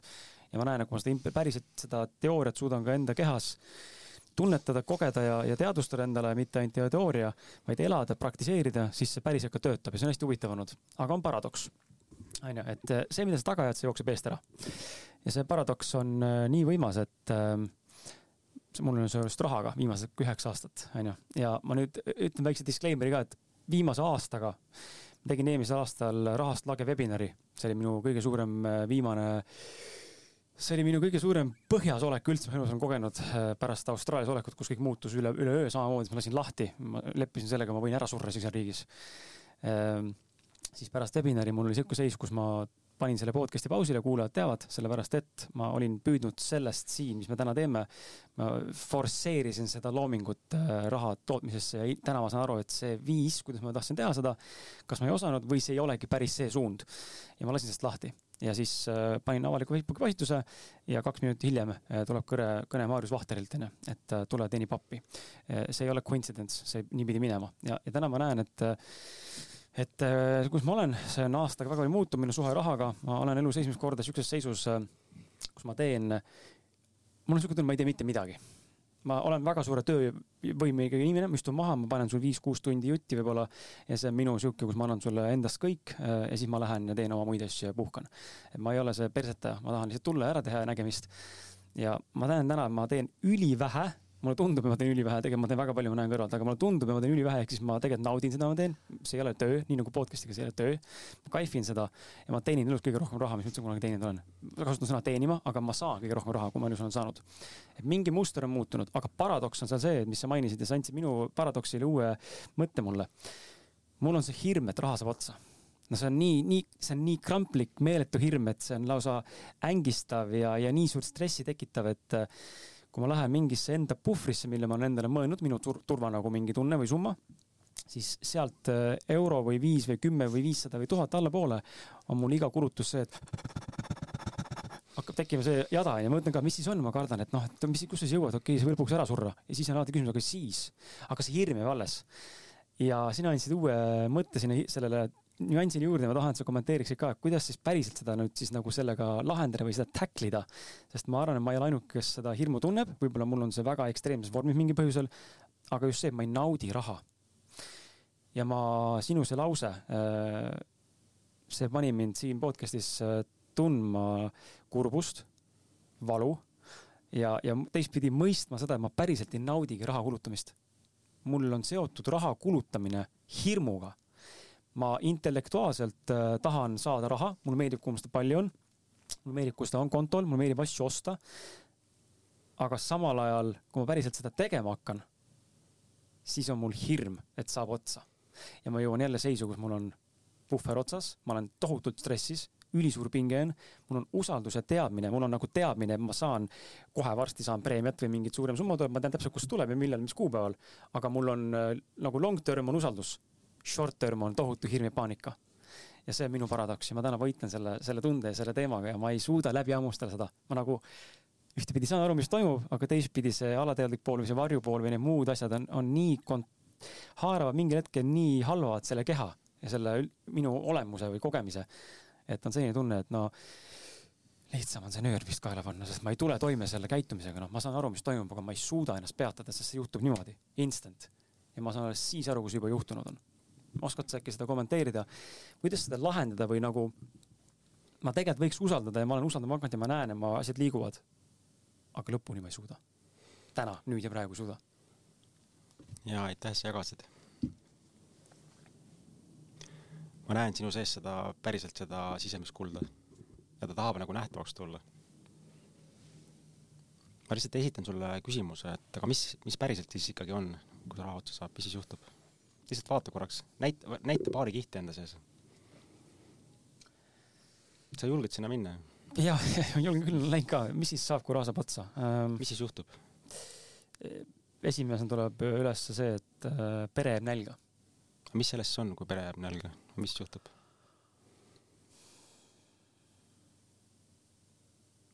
hirm. aga mis sellest on, et on hirm? mul lähevad silmad märjaks, näete jah? las see on okei okay,, las tuleb hirm? see läheb, see on see, see vari praegult, mis su sees on, ta tekitab siis sinu sisse vastupanu, aga sa näed sellest läbi praegult. mis hirm see on, mis sellest on, mis selle all on? ma ei, inimesed on hea kuulata, kuule, kui nutan saates. no näed, midagi siis, see näitab sinu tugevust tegelikult. ma olen sellega tegelenud, ma olen sellega tegelenud. julged, äh, julged mehed ainult nutavad. paar kuud tagasi või tegelikult umbes pool aastat tagasi Anneli juures ka, coach'i juures, ma nutsin lihtsalt kolm, kolm, kolm tundi järjest nutsin lihtsalt. mis hirm siin on, vaatame korraks. seal on äh, naise ja lapsega seotud mm.. aga mis seal on? hirm ilma jääda? ei. mis seal on?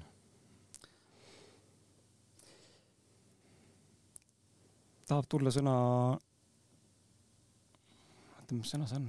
tahab tulla sõna alt vedama. et sa vead neid alt, jah mm? -hmm. aga mis sellest on, mis juhtub, kui sa vead neid alt?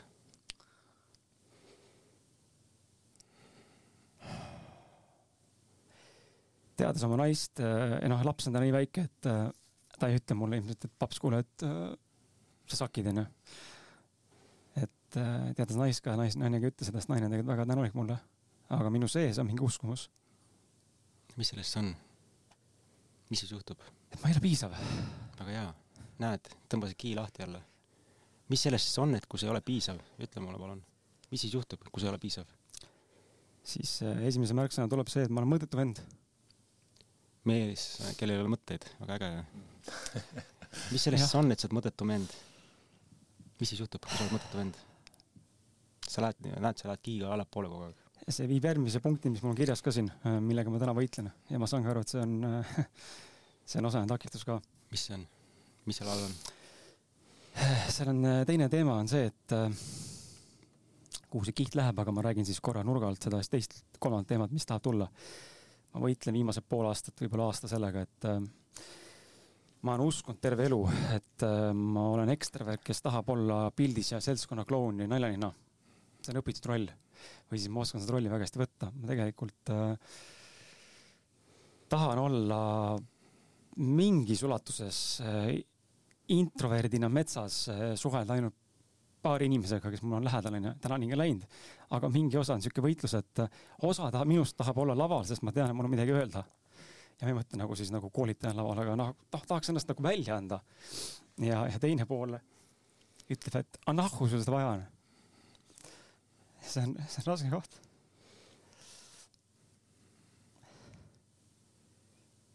see jääb segadusse, sitaks segadusse jääb. see on okei okay aitäh, et näitad ennast see näitab sinu tugevust ainult. see on üks võimsamaid asju, mida sa praegu lihtsalt teha saad, et sa näitad ennast. mis selles siis on, et sa ei ole piisav? mis siis juhtub? Lihtsalt näita seda kohta veel enda sisse. see on valus ja naljakas korraga. ma näen, üks pool naerab, teine nutab. meil oli sama teema eks ju teadlikkus näeb sellest varjust läbi praegult. ja vari on see, mis on vastuseisus praegu. sama teema oli pool aastat tagasi. ma näen läbi seda, mul isa, isa, isaga teema. Ja ma nägin läbi seda ja üks osa nuttis, teine naeris ja ma ei suutnud rääkida ja sama praegu ma saan aru, et ma naeran, sest see on nii absurdselt, aga samas see on nii valus kas sa näed sinna, sinna alla veel, sa oled täiega praegu valmis minema sinna sisse? see on, see on, mul on, tuleb märksõna ja tunne, et äh, ma olen, ma olen tähtsusetu. väga hea, nägid läbi jälle. mis sellest siis on või mis siis juhtub, et sa oled tähtsusetu? mis hirm sinu all on? et äh, ma olen ei keegi äh,, minu tegemist ei lähe inimeste korda. aga mis sellest siis on, et sa ei lähe korda? Mis siis juhtub? mis siis juhtub, et sa korda ei lähe? mis sellest siis on, kui sa korda ei lähe?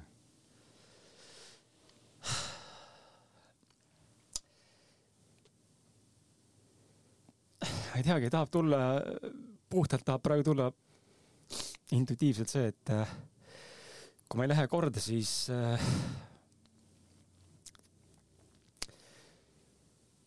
pole nagu võimalik mitte nagu otseselt teenust pakkuda, aga ma ei ole kuidagi, minust ei ole kasu inimestele.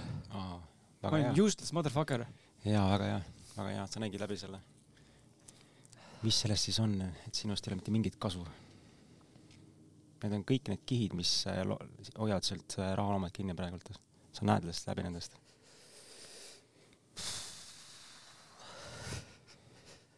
no tahab tulla see, et äh, kui ma olen kasvatus Italia, siis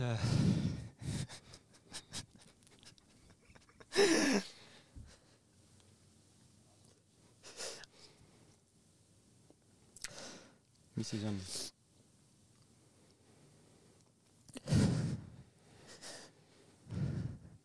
seda on nii raske öelda. ütle, ütle välja.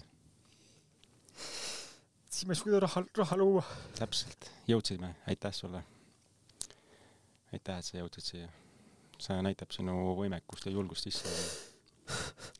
Lihtsalt võta sellega kontakti ja ühenda sellest lihtsalt lahti. ütle, et äh, seda ei ole sulle vaja, lahusta ja lase enda sisse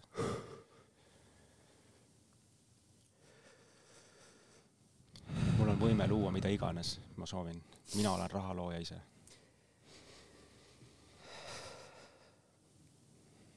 see näitab praegult, et sa läksid läbi vähemalt kümnest kihist või umbes niimoodi. ja see mõjutab igapäevaselt minu rahaloomet. Millised uskumused, aitäh sulle, Kris, et sa nii võimsalt pratt ja noh, eetris, milline julgus enamus mehi ei julge seda isegi sada, salaja kodus teha. ei, mul ei ole häbi üldse ei ole, lihtsalt see on. sa lihtsalt näitad teed praegult. ma ei oska seda kirjeldada, see on nagu nii, see ei ole nagu, et inimesed saaks aru, mis tunne see on. see ei ole nagu füüsiliselt valus. See on hingeliselt valus. aga see on nii valus. see on hingeliselt valus. enamus äh, valu, mida mina olen kogenud, ei olegi füüsiline olnud, vaid hingeliselt olen haiget saanud läbi erinevate kogemuste elu hingeliselt haiget saanud. see on sees, see ei ole väljaspool, eks. ehk ma ei karda tegelikult füüsilist valu, sest ma olen väiksest peast kakelnud ja noh, haiget saanud tugevalt, onju. aga ma olen teinud muideks ka valu valeks ehk valu võrdub vale. Ja ma nägin mingi moment tegelikult ära, et valu ei ole vale, vaid valu on äh, hästi transformeeriv jõud, mis aitab läbi minna kihtidest hoopis. ehk valu taga alati on tegelikult ju meie jõud ja vägi. hingelise valu taga. jah, just mm. hingelise valu taga. et kui me julgeme sinna sisse minna, selle vabaks lasta, siis meie uskumud lihtsalt kukuvad kokku, nad ei domineeri meie üle enam. Mm., nad ei, ei võimutse meie üle enam, nad ei käsuta enam, sest ma võtan selle nagu laeva juhtimise iseenda kätte, mitte ei lase kedagi seal pordis olla ja öelda, et sõida nüüd sinna või sinna. Ja ise ka ei tea, kuhu, ehk see pesumasina efekt kogu aeg. Ja lähen lihtsalt hommikul sellepärast, et äh, panen lipsu ette, lähen nagu lahingusse. Mm, raha teenima, teisi hävitama. ma lihtsalt, ma küsingi, et hea oleks lihtsalt enda käest küsida, et mida mina läbi iseendana täna siia maailma loon. Kas on nagu pigem siis äh, turvatunne, headus, teistest hoolimine, uue võimalikkuse loomine või hävitamine, tümitamine, madaldamine, manipuleerimine ehk see nagu selgelt äh, nähtavaks enda seest tuua ja usu mind, et see, see on vastutusala mm. -hmm. siin ei saa põgeneda. ehk täna, mida ma enda läbi iseenda loon, on täielikult minu vastutusala. ja tead, miks või? Noh, Kristil, Kris, Krisil on äh, väike laps, eks. kuidas, kuidas sul, Raivo, on? jaa, mul on sama vana laps. kui meie enda sees täna ära ei muuda neid programme, siis me kingime need oma lastele mm -hmm. edasi. ja see on meie vastutusala mm. -hmm kui meie täna enda sees need ära muudame, nagu Pratt äh, Kris näitas, onju, siis meie lapsed ei tea sellest mitte midagi enam mm. -hmm. ja siin ei ole võimalik kellelegi näpuga näidata, et tee mind korda või keegi teine peab selle minu eest ära lahendama või see ei ole minu teema või see ei ole minu vastutusala.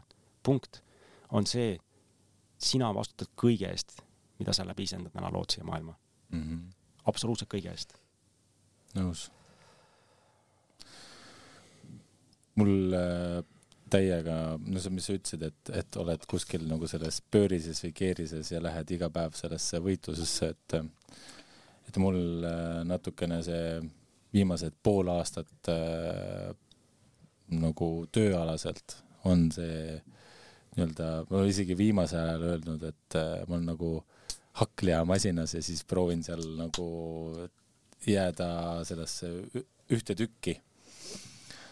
Ja, ja nüüd äh, no see, see oli üks põhjus, miks äh, mind äh,, ma tulin äh,, võtsin sinuga ka ühendust ja, ja sain väga palju igal juhul sedasama asja, mis, mis Kris praegu tegi, et äh, mul oli seda, see oli mulle väga palju abiks.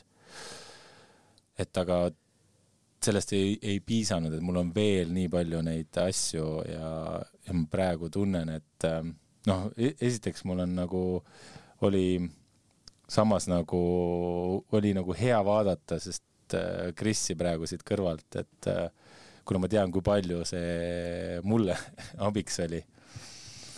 aga samas ähm, äh, ma ei tea, kus ma mõttega tahtsin, ma tahtsin seda, et vot sama see nii-öelda hakklihamasin ja siis mina üritan sellega nagu võidelda, on siin võib-olla viimase nädala jooksul läinud selleks, et okei okay,, ma alistun sellele, nii-öelda selles mõttes nagu alistun selle hakklihamasinale, et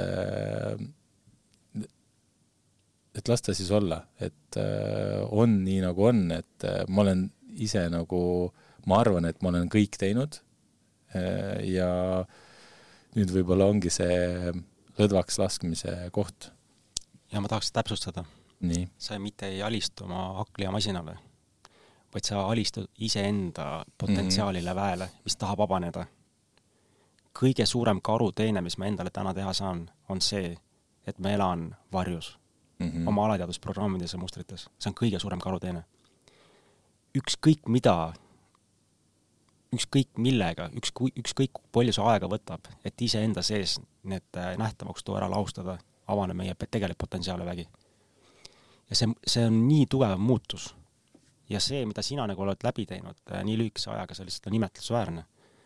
Ainult ego on meie nagu äh, varju, varjuteadus ütleb see, et seda on vähe, et seda ei ole piisavalt tehtud, onju, ma peaks ikkagi kohe tegema ära. Yeah aga mis siis, kui ei olegi nagu tähtis, kui palju ma korraga teen, iga samm on oluline, ma tahaks mm -hmm. öelda.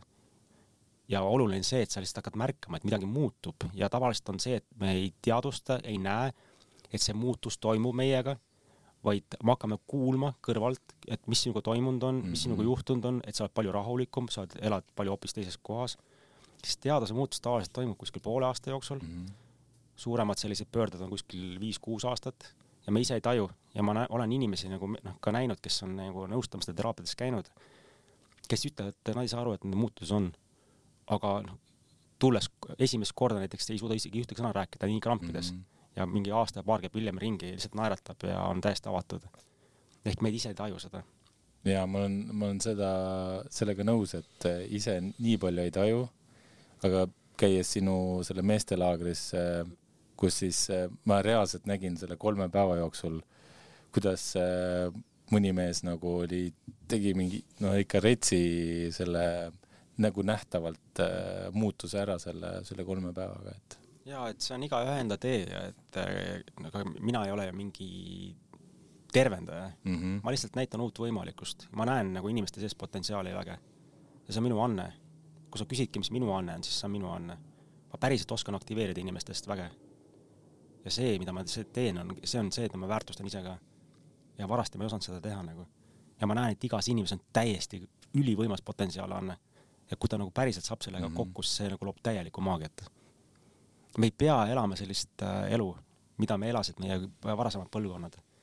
meie olemegi need, kes ära muudame. ma tahangi öelda, meie oleme need, kes ära muudame selle teaduse, selle kollektiivteaduse, ühisteaduse ja mitte välispidiselt, et minna rehadega Toompeale, vaid iseenda sees see on hästi oluline mõista, see ei käi välispidiselt. ehk see teadus, mida ma täna mhm. tajun, on tegelikult illusioon, et ükskõik mis kohas ei ole ja sa ei pea sellest aru saama, aga tegelikult on see minu sisemaailma peegeldus sellest, mida ma nagu välispidiselt kogen ja sellepärast ongi see, et väga paljud täna tajuvad, et on hirm, paanika, sõda ja väga paljud ütlevad, et täiega äge on elada, kõik on mm -hmm. jumala hästi. ja siis ma küsingi, et kuidas see nagu võimalik on. nagu ma ütlesingi, see niisugune hea metafoor on see, et kärbes äh, mesinane istud oksa peal ja kärbes ütleb, et igal pool on sitt. mesinane ütleb, ma näen lilli igal pool Nad istuvad samal ajal ühel oksa peal see on see, milleni me oleme Raivo sinuga, Raivo S siis, oleme sinuga väga palju viimasel ajal äh, ka rääkinud, viimased poolteist aastat selle, et läbi Transurfingu on tulnud see arusaamine, et äh, ja sa tõid see hea näite, Toompea näite, eks ole, mis siin toimus, onju. ja see Ukraina sõda ka, et me ei lähe sellesse sisse, aga et et äh, see on lihtsalt nii puhtalt perspektiivi küsimus onju, et kuidas ise tahad näha ja, ja see võib kõlada mõnele inimesele, ma kujutan ette, väga egoistlikult ja üleolevalt ja valusalt, eks ole, kuidas sa ei hooli ja sa oled ikka hooletu värdes ja aga ma mäletan mul seal just selle Toompea teemaga me ise ka, noh korra seal sinuga nägime ka, eks ole, nende alguspäevadel. ma natuke aega oli seal veel mõned päevad ja siis ma mingi hetk sain aru, et perse küll noh võitlusega sa lood ainult võitlust. sa ei saa, sa ei saa selle süst-, mhm. sa ei, sa ei saa selle süsteemi vastu niimoodi minna. et ma saan nagu sellest seisukohast aru, et me peame midagi tegema, sest muidu istutakse meile pähe, eks ole. aga mitte niimoodi. Ja, aga ma ei oska pakkuda ka seda lahendust. mul võib siuke, et mis ma teen siis noh, et äh, kuradi saan lõuga või ma ei tea, tehakse, võetakse nets vastu onju noh. ütlesin, ma ei tea, mul ei ole lahendust, aga mina astun välja, ma ei taha võidelda, sest et see hävitab mind. siin nagu oma, oma energia suunad, see toitub ehk äh, kui sa näed, et äh, on mingisugune niisugune paanika, ütleme niisugune raske energia üleval, siis ta toitub ainult sellest, et ma suunan oma energia sinna. ja see on, kui me hakkame nagu liikuma aina rohkem iseenda sisse, siis me hakkame tajuma peenenergiaid. päriselt hakkame tajuma seda. ehk me hakkame mõistma, et kõik tegelikult on olemas energia ja sinna, kuhu ma oma energia suunan, suunan, seda ma toidan. minu meelest hästi hea on näide tegelikult see, et meie sees elab äh, valge hunt ja must hunt, eks. must hunt on see, kes siis äh, elab sellises kaoses ja lõhkumises, hävitamises ja, ja sõjas valge hunt on see, kes on hea ja sõbralik ja, ja heatahtlik ja loob midagi enamat, on. ja see hunt võidab, keda ma siis toidan, eks. ehk kuhu ma energia suunan. kui rääkida nüüd, noh, me, me, see ei ole teema muidugi, aga sõjateemas samamoodi, see näitab lihtsalt inimese sisemist disharmooniat, sisemist sõda, mis hakkab välispidi siis peegeldama. ja mida rohkem inimesi kollektiivteaduses on, kes on sisemiselt enda sees sõjas, nad kogevad siis välissõda. ja need, kes on jõudnud enda sisse nagu sisemisse rahusse ja tasakaalu seda, seda rohkem nad tajuvad seda maailma teistmoodi.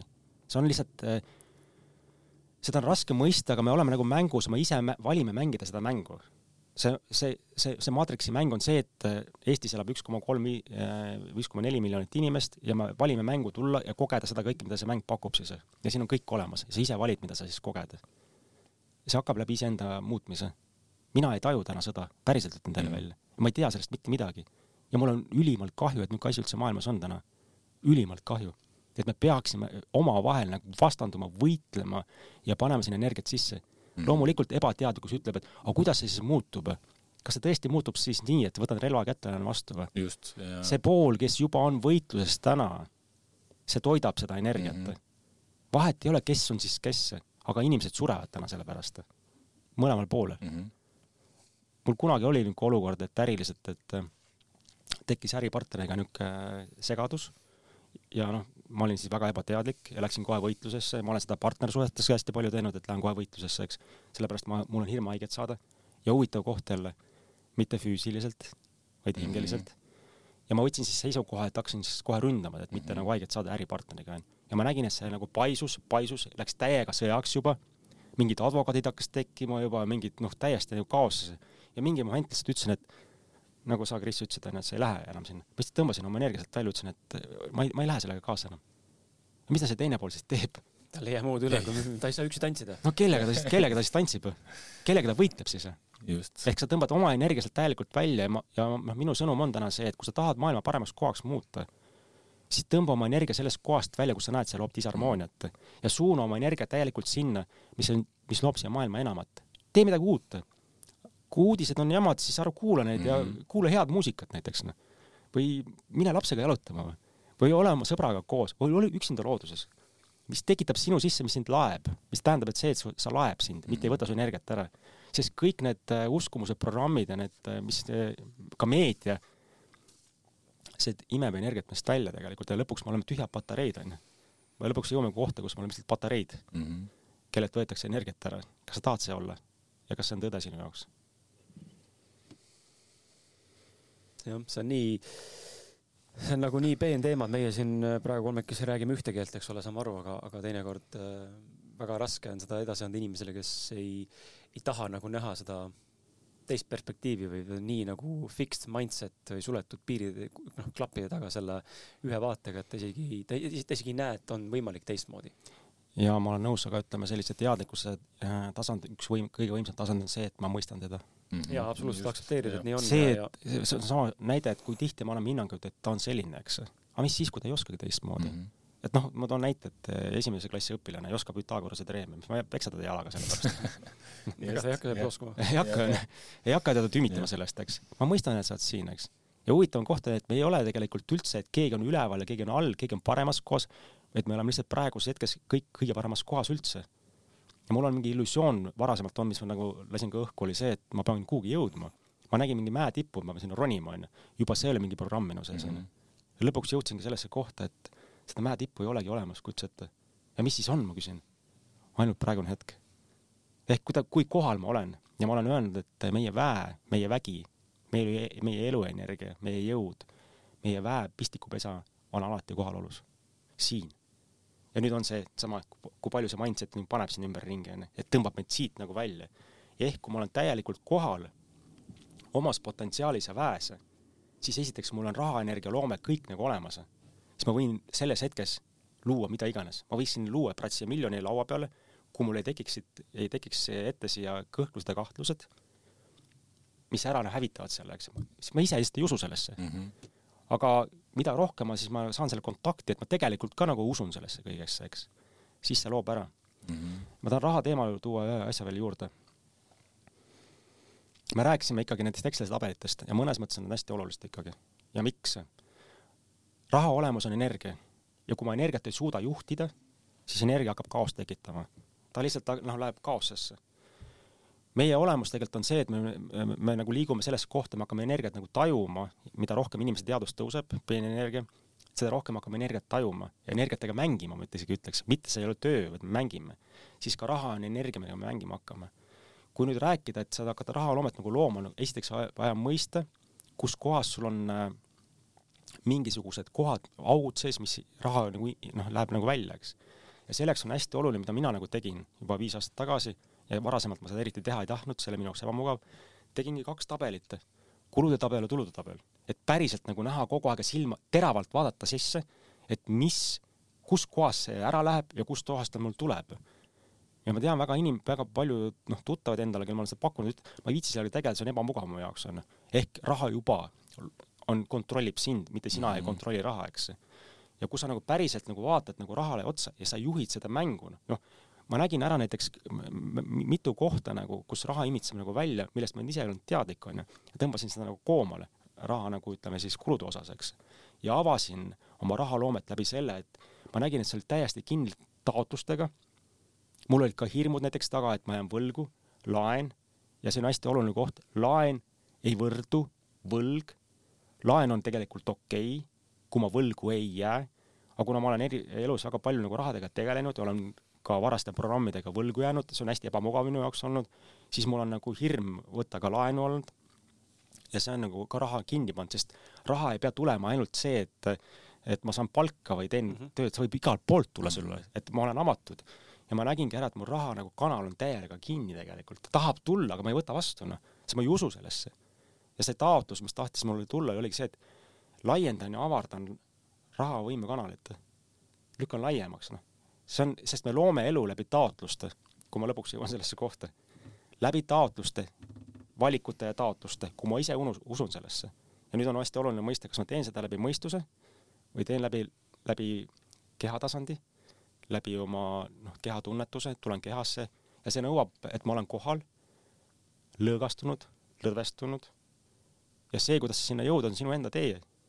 mina ärkan hommikul kell kuus üles, lähen külma vette kohe. Ehk tõmban ennast täiesti nagu kohale, ei püüa seal külmas vees olla ja mõelda, mida ma õhtul tegema hakkan või ma ei tea, mis ma eile tegin. ehk ma teadlikult teen hommikupraktikat, et olla nagu täiesti kohal, siis see loob minu loomet. ka rahaloomet, suhteid, kõike, mida ma nagu tahan luua ja tõmbab seda mindset'i nagu lihtsalt nagu vähemaks, eks see, see ei keri enam nii palju. ja ühendan ennast lahti. mõistus on ülioluline, tööriist. Google'isse panna, et kuidas ühest punktist teise sõita või Exceli tabelit teha. Aga ta ei pea juhtima, sellepärast et kehateadus, milles me täna elame, on ülimalt teadlik, originaalne või isegi ütleksime täiesti unikaalne niisugune atribuut. kõrgem, ütleme, tehnika, ma isegi ütleks selle kohta. ja mõistuse tasand selle juures on võib-olla mingi null koma null null millegiga ja me tahame mõistusega juhtida oma keha mm. -hmm. ja see sageli ongi see, et me tahame ka keha juhtida läbi selle tegelikult, et hirm, et äkki juhtub meiega midagi, jään haigeks, aga iga õhtu sa lähed ju automaatrežiimile lähed magama, onju. ja hommikul sa ärkad üles ja sind vahepeal su teadus, see mõistus ei olnud seal juures, onju. ja ärkad üles ja, ja kõik toimib jälle, eks ehk me hakkame aina rohkem tegelikult usaldama, et keha juhib ja keha on see, mis näitab nagu teed. kas kehale võib anda ka AK intuitsioon tähenduse? Jaa, võib küll, intuitsiooni olemus ongi see, et ta on nagu äh, kõrgem sild meie kõrgema teadusega, eks, aga me see tasand, kuhu me nagu päriselt nagu liigume, et seal ka kaob intuitsioon ära, seal mm. hakkab ikkagi tekkima maitse juba, see on varjuvaba teadus, ehk seda nimetatakse varjuvaba teaduseks, aga intuitsioon on tegelikult hea, ta näitab su elu ajaliinil noh, kõrgemalt kuidas sa nagu näed juba elu ette, et teha valikuid, mida sa tegelikult äh, võiksid teha palju lihtsamini ja mitte nagu siis õppida jalgrattaga sõitma, eks. eks sa näed mõnes mõttes nagu oma eluteed palju kõrgemalt ja saad teha valikud oma ajaliinil mm -hmm. ehk teha nagu, mis paremini sobib, eks. ja intuitsioon on, on see, mis tegelikult äh, juhib ja, ja, ja minu, minu jaoks on intuitsioon avanenud alati läbi selle tegelikult, et ma lõõgastan lõdvestun. sest ta ei, muidu ei avane. sest ta hakkab rääkima alguses hästi nagu vaikselt, niisugune raadio on, töötab, aga ei kuule ja kui lärm on ümberringi siis ei kuule seda üldse, sellepärast et see musa on ümberringi nii tugev, et ta tahab nagu midagi öelda. Ja mul ta avanes nii, et ma tegin esimest korda kaks tuhat kuusteist ühte kursust ja olin harjunud koolis käima siis pähe õppima kõik asjad, jooned alla tõmbama mitu korda onju, punasega, rohelisega. ja siis saalitäis istub inimesi ja küsisin esimest korda raha selle kursuse eest onju. ja siis seisan seal tahvli ees nagu ja hakkan nagu rääkima ja black out. mitte midagi ei tea, saad aru ja siis tekkis see hästi tugev nagu hirm tuli üles, et ma tahan lihtsalt sellest hetkest nagu ära põgeneda siis mõtlesin juba, et okei okay,, ma näen, et mu võtmed on seal, ma panen minema siit kohe nagu. ja ainuke asi, mis ma siis küsisin enda käest on, et mida ma hetkel kõige rohkem kardan. ja tuli sõnum, et äh, näida nagu täiesti ebapiisavana, kes mina olen siin üldse see, eks. ja sama asja ütlesingi siis välja. vahet ei ole, kes ma olen. ma lihtsalt äh, luban endal olla see, kes ma olen, ma luban täiega endal olla ebapiisav. ma luban täiega olla see, kes ma praegult olen ja üks koolitaja andis mulle ka kunagi hästi nagu hea asja kaasa, et kui sa lähed kuhugi midagi tegema, siis ego programm on see, et sa lähed esinema. kui sa lähed enda lugu rääkima, see on alati õige mm. -hmm. ja sul ei teki sinna taha mingit hirmeid, mitte midagi. ja ma valisingi see, et vahet ei ole, kes ma siin olen, ma lihtsalt räägin seda, mida ma hetkel iseendast ehedana nagu näen, tean, ja siin ei saa keegi öelda, et see on õige või vale.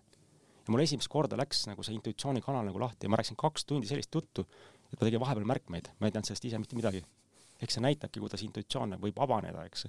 ja see ei ole privileeg, see on meis kõigis olemas. see ei ole nii, et kuule, tal ja tal on, see on kõigil, me tuleme sellesama nagu kosmoselaevaga siia või see kehaga tuleme ühtemoodi siia, eks. aga need programmid, uskumused, mis meie sees on, on selle nagu nii ära tümitanud, kinni pannud, et me nagu ei näe peale selle 3D reaalsuses mitte midagi ja ma arvan, et see ongi elu. mina ütlen seda, et elu alles algab siis, kui me julgeme hüpata ja vaadata täiesti uude kohta, ehk et läheme täielikult usaldusse mm. ja see nõuab nagu julgust, aga usaldusega on huvitav koht see, et aga usaldust ei ole siis ju vaja, kui me teame, kuhu minna. ja siis see ei ole äge rännak tegelikult, kui sa tead, et kuule, õhtul lähen ma sinna, siis teen ma seda, siis teen ma seda, onju. et tuled, sünnid siia maailma, teed kõik asjad ette ära või? oota, on see huvitav või? noh, sa lähed arvutimänguga sisse, sa ei tea, et sa kohe võidad ära või seal nurga tagant tuleb mingi inimene või, või ükskõik mis ehk mõnes mõttes ta on ikkagi arvutimärgi, mängu nagu imitatsioon, aga sul on noh, niisugune eufooria elavus sees, aga mis nüüd saab? ja noh, see hea näide on ka sinu puhul tegelikult, Kris, et äh, okei okay,, raha on otsa saanud küll, aga sa endiselt istud siin ja veri liigub ja sa naerad siin onju. või oled siin tähendab, eks. ehk alati oled ju mingit moodi läbi tulnud.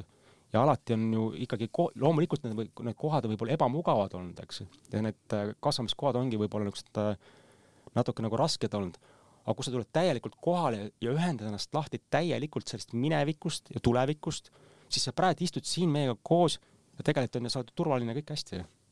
Äh, ja, ja üleüldse, kus ma olen aastaga liikunud materiaalse konteksti mõttes, siis ma fucking elan täna majas, ma olen ülitänulik. see ei olnud minu looming, see on mu naise looming. sellised avaldus läbi minu, tema ellu. aga, aga see on eraldi story, aga, aga ma olen väga tänulik, lihtsalt vahepeal tekib see, see hetk, kus nagu mingi asi võtab üle ja ma tahaksin äh, tegelikult küsida ka sellist asja, nüüd on puhtalt, äh, tuleme selle äh, pisikese segmendi otsa siia, mis puudutab siis praktilist poolt. et siin tahan teie mõlema arvamust kuulda. sinust, sind puudutab ka see väga otseselt. Ja, ja kõik inimesed, kes kuulavad, puudutab, puudutab ka, et ja kindlasti inimesed jälle suhestuvad minuga, mul lihtsalt meeldib enda pealt näiteid tuua. Kuskil aasta otsa varsti saab mul juba praktiseeritud siis kulutulu Excel, et mul oli eelmise aasta suve lõpus eh, Peep Vainuga kõne. ta ütles mulle, et Kris, kulla sõber, võta oma kulutused kontrolli alla, et sa ei oska öelda, palju su, palju su käive see aasta on, sa pead, võiks teada seda nagu enam-vähem sendi pealt. ütlesin okei okay., okei okay,, Peep, fine, ma siis teen seda äh, väga tore praktika olnud, väga tore, väga valus on näha teinekord neid summasid, kus lihtsalt lähevad, mõtled nagu, et see varija sektsioon nagu mingi kuus sotti enam vist on. aa, okei okay,, sinna läks midagi, okei okay,, on õigustatud, nii et ei olnud nagu niisama kulu, aga kui muuseas oled ära kulutanud. ja, ja nüüd ma täna olen jõudnud sellisesse seisu, kus siis elukaaslasega ka vahepeal mõtleme ja arutame ja eile käis siis esimene sihuke üle pika jälle üks, üks õrn trigger, hästi õrn trigger, tundsin nagu, et vajutati õrnalt niimoodi või silitati seda nupukest niimoodi. et üks tuttav rääkis, kuidas ta siis oma, oma naisele aastapäeva puhul tegi uue MacBooki kingituse, eks ole, ja, ja lähevad nüüd veel reisile ka. ja mina siis tähistasin kolm-neli päeva tagasi nii kõvasti pole see varem häält teinud. et aga see selleks, et kolm-neli päeva tagasi siis kolm-neli päeva tagasi tähistasin mina oma naisega üheksa aasta täitumist ja me ei teinud üksteisele kingitusi äh, kahel põhjusel. Polnud ideed, mida teha ja pole ka raha. Äh, maja renoveerimisel läks suur osa ära äh, ja nii edasi. ja, ja nüüd mul on see küsimus, nüüd on see praktiline pool. mulle on nüüd jäänud tunne ja mulje, ehk siis nüüd on mingi uskumus tekkinud juba siia, sest kogemus on eelnev aasta otsa olnud. ma teenin rohkem, kui ma olen elus kunagi varem teeninud või noh, saan küll väga piiratud ressurssidega ehk siis sissetulekutega või allikatest nii-öelda kindlad allikad, paar tükki, mis tulevad iga kuu, tegelikult neid võiks rohkem olla, lihtsalt jälle see on nüüd teine teema kuidas ennast avada, seda kanalit. aga mul on äh, summad suurenenud ja kulutused on suurenenud. okei okay,, arusaadav, aga lubanud endale perekonnale midagi, mul on endiselt veel äh, traktor, millega ma sõidan, mida tahaks välja vahetada. Äh, maja on enam-vähem valmis, aga nipet-näpet sisustust ei saa täna lubada, sest et noh, mis maksavad ja kohe võtta ei ole kuskilt. ehk siis inimesed käivad ümberringi ja nüüd ma kipun võrdlema ennast, onju. kõik ostavad, kingivad, käivad reisil, Raivo läheb meil siin reisile perega, onju. aga ma justkui ei luba mitte sittagi endale oma perekonnale aga ümberringi kõik nagu lubavad ja mul tekib küsimus, et kas ma elan nagu täiesti valesti ja olen nagu täiesti valede kuludega üle, üle, üle, üle võimete, samal ajal midagi ei luba. kus see konks on? Kas me ei oska säästa või milles probleem on, et nüüd võite siin kaasa rääkida, kas siis probleem on nüüd minus, on ju, mitte et nüüd jah, Kris, sa oled nüüd süüdi või, või, või nagu, mis siis on nagu siin võrrandis valesti või mida oskad sina ka, Raivo, äh, siinkohal täna inimestele siin mulle ja üldse ükskõik kellele siin kaasa rääkida, et mis on selles võrrandis siis valesti, kui kulud-tulud on kontrolli all, sisse tuleb umbes nii palju, et natukene saab kõrvale panna ka, aga midagi muud väga nagu teha ei saa. mis ma siis nüüd valesti teen? ja see on väga hea küsimus ja, ja selles mõttes äh, mind aitas siit kohast nagu läbi minna äh, Vallo Arumäe, kes teeb ka selliseid äh, rahakoolitusi. Vallo on meil siin kuus korda saates käinud ka, et et äh, Vallo, Vallo selles mõttes äh, väga selgelt, ma tegin temaga koos ka ühte webinari ja siis äh, ja suhtlesime vahepeal siin üsna tihti, siis tema soovitus oli ikkagi see, et mida ma nagu olengi teinud ja see toimib, et teha nagu erinevad kontod ja need kontode nimed on, noh, mina jälle soovitan energeetiliselt hästi olulised. kui sa paned näiteks konto nimeks äh, raha mustadeks päevadeks, siis sa lõpuks koged mustasid päevasid. paned raha nimeks, äh, konto nimeks elu nautimine. naudingute anum. jah, siis on täiega naudingute anum onju. ehk äh, hästi oluline on mõista seda, et sinna teha erinevad kontod, minul on vist praegult mingi viis kontot, on rahaline vabadus, kus on ainult investeeringud, ei puuduta mitte kunagi, vaid noh, ainult investeerimiseks onju see on pikaajaline fond. investeerimiseks ehk veel tegemata või investeeritud juba? no ma juba investeerisin okay. ka, et ma investeerisin ja mina investeerin äh, väga lihtsasse kohta, iseendasse. sest see nagu avaneb, ma olen äh, investeerinud äh, erinevatesse kohtadesse, kinnisvarasse, kulda, krüptorahadesse, igale poole. ja tegelikult ma täna nagu näen, et kõige võimsam investeering on iseendasse. sellepärast, et kui minu teadvus muutub siis ma loon hoopis muud moodi raha. siis muutub kõik. ja, et ma ütlen endiselt, raha võib olla ja ma näen, mu, mu, mu tutvusringkonnas on inimesi, kes on väga-väga jõukad väga,, väga-väga jõukad ja väga palju raha omavad, täiesti katkised on. siis kontode osas on kindlasti hästi oluline, ongi mingi niisugune konto, et noh, minul on ka reisikonto näiteks, et äh, reisimiseks panen kõr-, äh, noh, raha nagu äh, võt-, kõrvale panna, eks. ja siis on kindlasti ka äh, naudingute konto ehk iga kuu see, mis raha sa sinna nagu paned, ükskõik kust raha tuleb, eks. see, mis kuu lõpuks sul sinna jääb, kulutad kõik ära, vahet ei ole, on see viimane päev, lähed spaasse või võtad naise kaasa, pere teed midagi sellist, mis on fun, sellepärast elu olemas tegelikult on fun imine. see, et see on ülitugev programm, et me peame hommikust õhtuni lihtsalt nagu rabelema, tegema, ei, ma olen, mul on isegi öeldud, et ma olen kerguse maaletooja tegelikult, et ma tegelikult näen asju nagu hoopis teistmoodi et tegelikult on elu olemas täiega nauding, kui me lihtsalt valime seda, meil on nii tugevad uskumused meile läbi põlvkondade tulnud, me peame kogu aeg nagu hambad ristis tegema ja nagu valus olema ja ja kui kivihunnikut ikka üks päev teise kohta ära ei tõsta, siis me ei ole mitte midagi teinudki tegelikult, eks, ja nii tugevad programmid on, siis me täiesti ebapiisav, mitte midagi ei tee, eks. ehk hästi oluline, mul on nagu, olen õnnelik mees selles mõttes, mul on nagu nii äge naine, kes on nagu näeb seda maailma täpselt samamoodi nagu mina ja me nagu näeme täiega ühtemoodi, me reisime palju ja noh, täiega naudime, teeme spaasid ja ja kõike, mis nagu palub e-, elunaudingust, me täiega nagu naudime seda elu nagu, eks.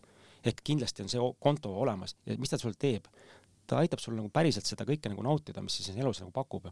me oleme tegelikult tulnud siia maailma just selle eesmärgiga, et kui me siit maailmast ära nagu lähme, siis me kasutame kõik, kogu selle potentsiaali ära, mida elu pakub. Mitte ei sõida nagu esimese käiguga ja, läheme siit minema, siis võib-olla mingi kümme protsenti kasutasime ära.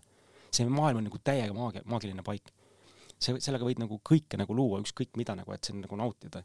noh, päeva lõpuks ongi see, et sa võid nagu rahasid kõrvale panna nagu, eks.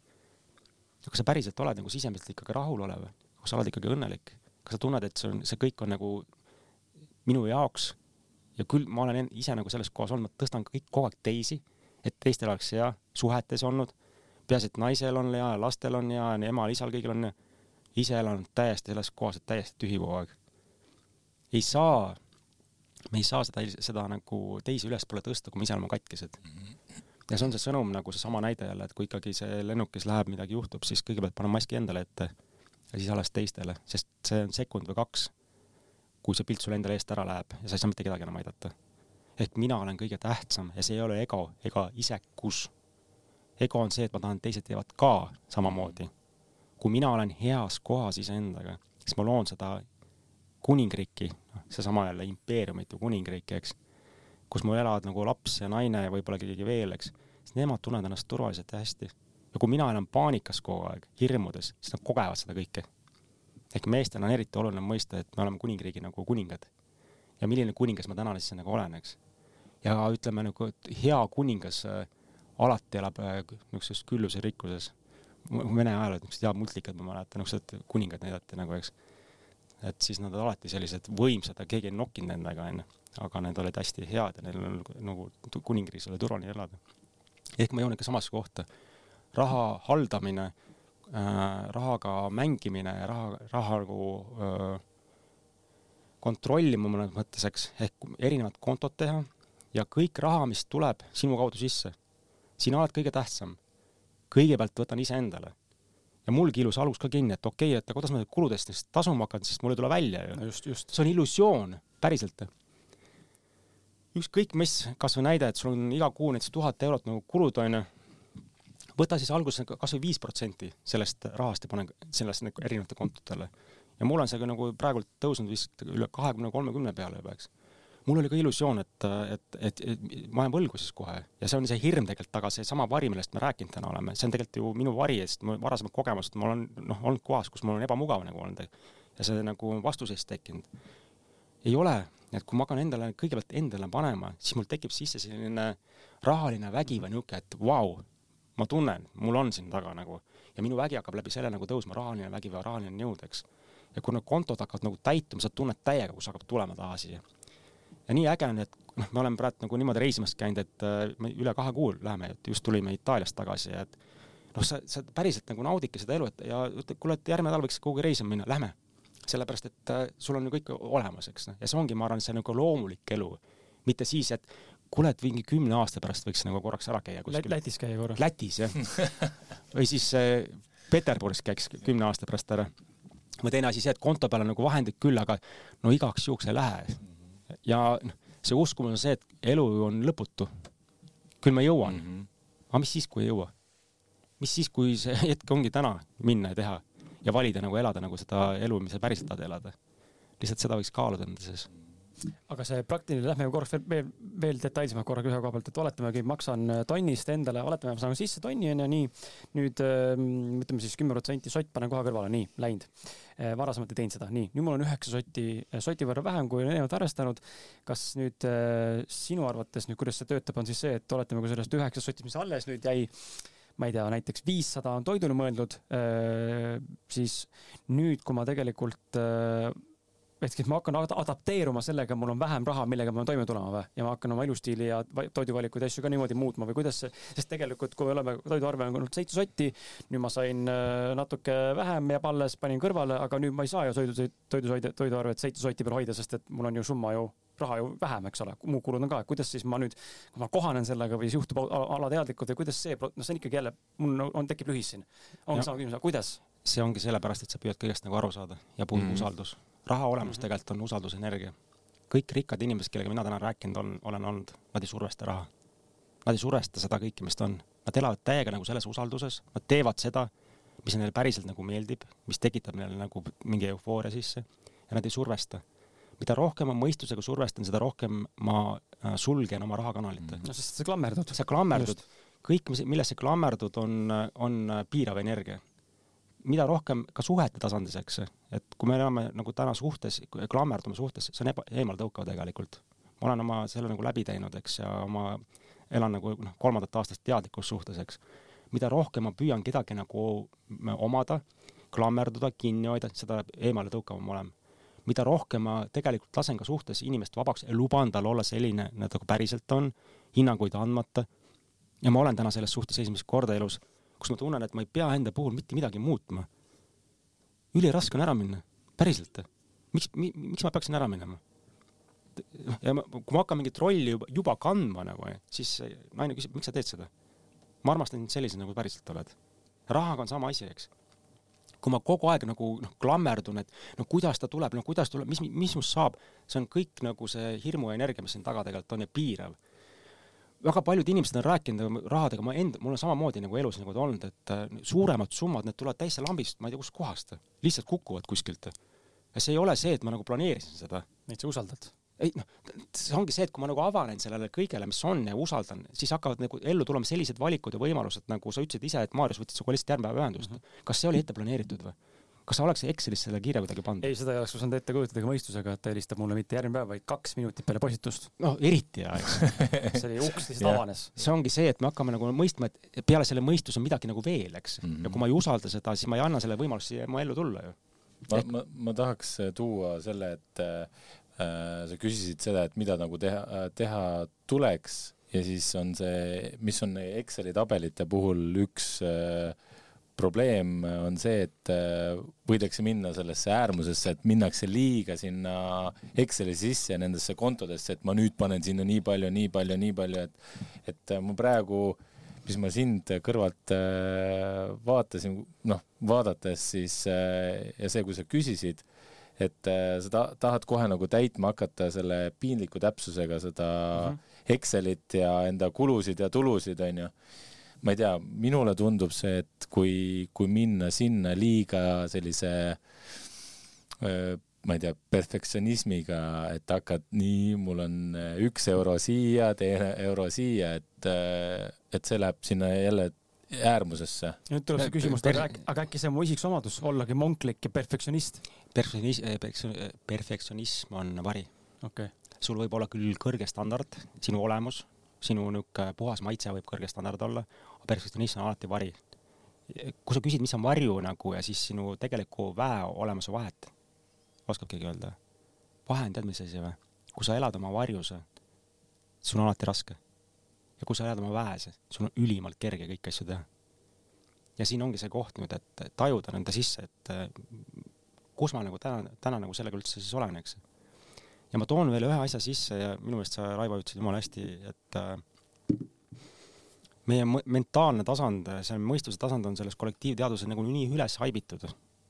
ma, ma isegi näen niisugust asja tegelikult, millest ma hammustasin läbi, et kui sa täna nagu tahad nagu olla keegi ja kui sa ei ole nagu lõpetanud ära Berkeley ülikooli ja käinud, ma ei tea, kuskil kõige võim- võimsate üle, ülikoolides üle maailma ja kui sa ei ole nagu aasta aega kuskil ashramis mediteerinud ja koopas elanud, onju, ja kui sa ei ole nagu mingeid asju teinud, siis ei ole mitte keegi. kustkohast see nagu tuleb? mina ütlen, et me oleme kõik täiesti unikaalsed. ja ma ei, me ei peagi kellegi teise moodi nagu olema, eks. ja elu olemus on tegelikult ülimalt lihtne ja mänguline. kui me ei oska nagu elu mängida ja võtame seda liiga tõsiselt, siis me lõpuks keelume, kiilume kinni.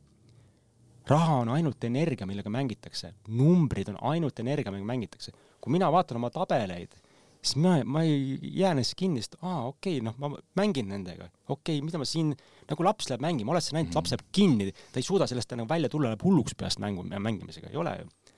ehk võtta seda, seda elu kui lihtsalt nagu vabamalt, stopp, kuule, ma mängin sellega, ma mängin rahaga, ma mängin kõik, mida ma nagu luua tahan oma ellu, mida ma päriselt tuua tahan oma ellu mis on see, mis tekitab minu sisse sellist eufooriat sisse onju, kuhu ma päriselt tahan nagu minna, noh, hakata nagu mängima rohkem. Ja lasta mõnes mõttes seda mõistust lahti ja nüüd tekib koht, aga ma ei, ma ei suuda nagu, eks. ma, ma ka ei suutnud. lõpuks olingi nagu nii kinni, saad aru, et lihtsalt nagu noh, nutadki garaažis üksinda. kui hakkad nagu valima läbi iseenda mingeid uusi, uusi nagu lahendusi, eks. ja kaks tuhat kaheksa aastal mul tuligi lihtsalt äh, äripartner ütles, et kuule, et mingi meditatsiooniõpetaja tuleb sinna, et lähme, ma ütlesin, et lolliks peast lendama, pole aega selleks. aga lihtsalt mul on kaasa tulnud mingi kosmiline kingitus, et kui ma mingi valiku teen, siis ma proovin selle ära teha. Sest ego on see, mis kohe nagu häkib sisse, ütleb, et selle, sellega ei mõtle sul küll tegeleda, see, see on jama, see on jama. ja see on nüüd vari, mis tahab nähtavaks tulla ja tekib äh, vastupanu koheselt. ja ma ütlesin, et vahet ei ole, ma teen kakskümmend üks päeva teen, kui selle aja jooksul mitte midagi ei muutu, siis juba see alateadusprogramm tegelikult kinnistab ära kui selle aja jooksul mitte midagi ei muutu, siis ma ei tee seda. ja juhtus. ja täna on äh, siis neliteist aastat hiljem olen hoopis teises kohas, eks. ehk luba anda endale võimalusi. ja kui sa näed, ma toon ühe äh, väga võimsa sellise võtmekoodi teile sisse siia veel. sinu potentsiaal ja vägi asub seal, kus sul on kõige ebamugavam olla. ehk see koht, kus, millele sa annad hinnanguid see koht, kus sa tunned ennast kõige ebamugavamalt, see koht, kus sa tahad ära joosta, sinu vägi on seal. just esmaspäeval rääkisime sellest ja see, see on huvitav koht selles mõttes, et kui ma, ma, mul on, mul on lihtne teha, ütleme inimestega ühes ruumis äh, sündmuseid, kursuseid, seal võib olla kakskümmend, kolmkümmend inimest, noh, Raivo on käinud ka meestelaagris, mul on lihtne neid asju teha. siis ma tunnen peenenergiat, mul see avanes kaks tuhat kaheksateist ja mul on hästi lihtne nagu ruumi hoida. ja minu nagu trigerdus oli see, et mul on ebamugav nagu teha asju äh, internetis, veebis, sellepärast no sama asi, millest täna just rääkisime, et mulle ei meeldi tehnikatega tegeleda, mulle ei meeldi sättida neid asju, viltu lähevad ja mikrofon ei tööta, siis ma tunnen, et see on minu jaoks nagu trigerdus on. ja ma nägin tegelikult ära, et ma pigem valiksin siis teha inimestega koos, sest see on mulle lihtsam aga tegelikult mu vägi avab, avanes hoopis teises kohas. Mm.. ehk kui sa tahad oma potentsiaali väga kokku saada ja ma avan muideks oma nagu teraapiates inimesi just sellest kohast, et kus sul on kõige ebamugavam tunne tegelikult olla, kus sa annad hinnanguid. ma avasin tuttaval äh, naisterahval oma tema potentsiaali, kes ütles, et teda räigelt ärritavad inimesed, kes teevad laive kogu aeg. Nad üldse ei meeldi, no mida nad jauravad seal, noh. Ja siis ma küsisin, et aga miks? Ja läksin sisse nagu ja näitasin ja, ja lõpuks avanes sealt kohast hoopis see, et tema potentsiaal ja vägi on seal kinni. tema anne, ülim anne. Ja kujuta ette, saad sellega nagu lõpuks kokku, sest ega see meie alateadlik vari ju, ta ei, tema ei taha, et sa avaneksid mm -hmm. sellele. talle meeldib selles pasas elada, talle meeldib selles alismassis elada, see niisugune raske ohvrimeelsus on ju, annan hinnanguid, kõik on halvad, kritiseerin, tümitan see on kõik vari. kui me läheme oma väesse, siis mis on väeka inimene, väeka inimese siis äh, äh, identiteet, on see, kui ma näen teisi inimesi väekatena, siis ma ise elan omas väes. Ja kui ma näen teisi inimesi ohvritena, siis ma ise, ise elan ohvriteadvuses. ehk kui sa nagu näed enda ümber ja vaatad ringi, siis tajun seda maailma. kui näen, et ümberringi kõik on ohvrid ja ma pean neid päästma minema, siis tegelikult, ma päästma peaksin, ma hakkan iseennast päästma kui sa näed, et su ümber elavad nagu üliägedad inimesed, unikaalsed, äh, mina näen teid täiesti nagu unikaalsetena, nii ägedate meestena. see näitab, et ma olen ise jõudnud sellesse enda väesse ja see tegelikult nii ongi. ja siin ei ole mõtet ka hinnanguid anda, kus sa nagu oled, see on juba jälle nagu vari. me oleme kõik täiesti unikaalses kohas ja parimas kohas üldse, kus me olla saame. see lihtsalt on elurännak, see on minu tee ja keegi ei saa öelda, et see on õige või vale mm. -hmm jaa. tõmbame, tahtsid midagi öelda? ma tahtsin võib-olla öelda selle, äh, mis on, võib-olla rääkisime kaks päeva tagasi ka podcast'is sellest, aga seesama nii-öelda nii rahaga või ükskõik eluga või, või, või mis iganes muu teemaga, et äh, kuna ma sõidan mootorrattaga ja maastiku peal, siis äh, seal on äh, ma, ma tean enam-vähem, kuhu ma sõidan, mis on see sihtpunkt, on ju. või noh, enam-vähem ma tean, et ma siit lähen, lähen sinna, on ju. Aga ma täpselt ei tea, missugune see tee mul äh, kujuneb, kas on liiva, kas on mingi kive, kas on mingisuguseid, äh, ma ei tea, mudaauke või mis iganes, on ju.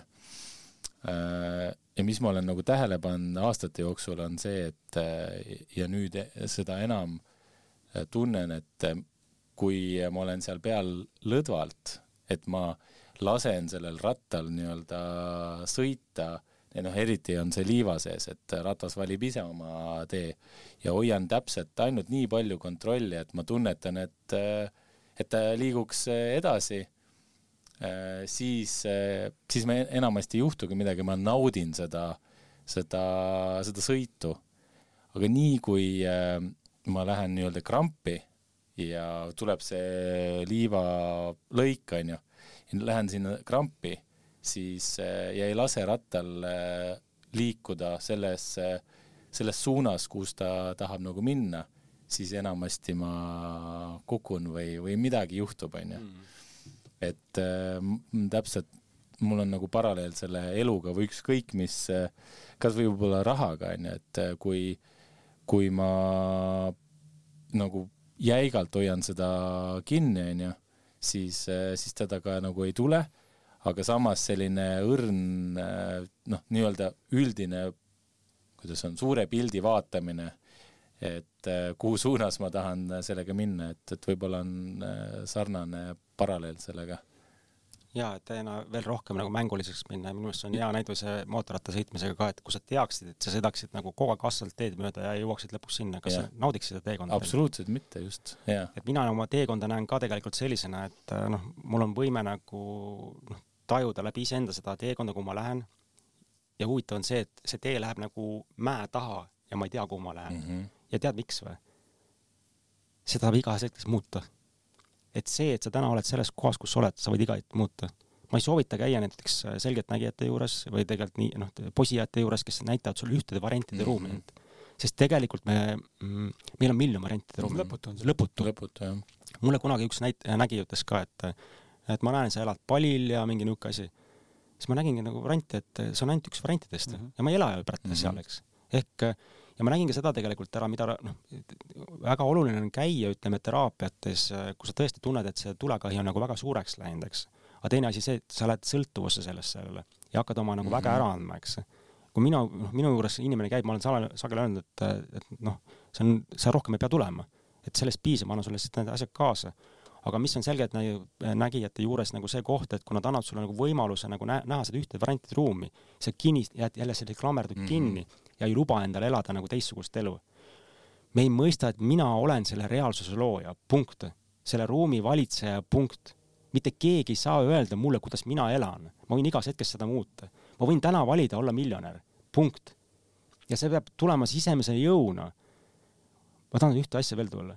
kui sa oma varjuga räägid, alateadlike programmidega, siis nad ei lähe ära, kui sa palud neid.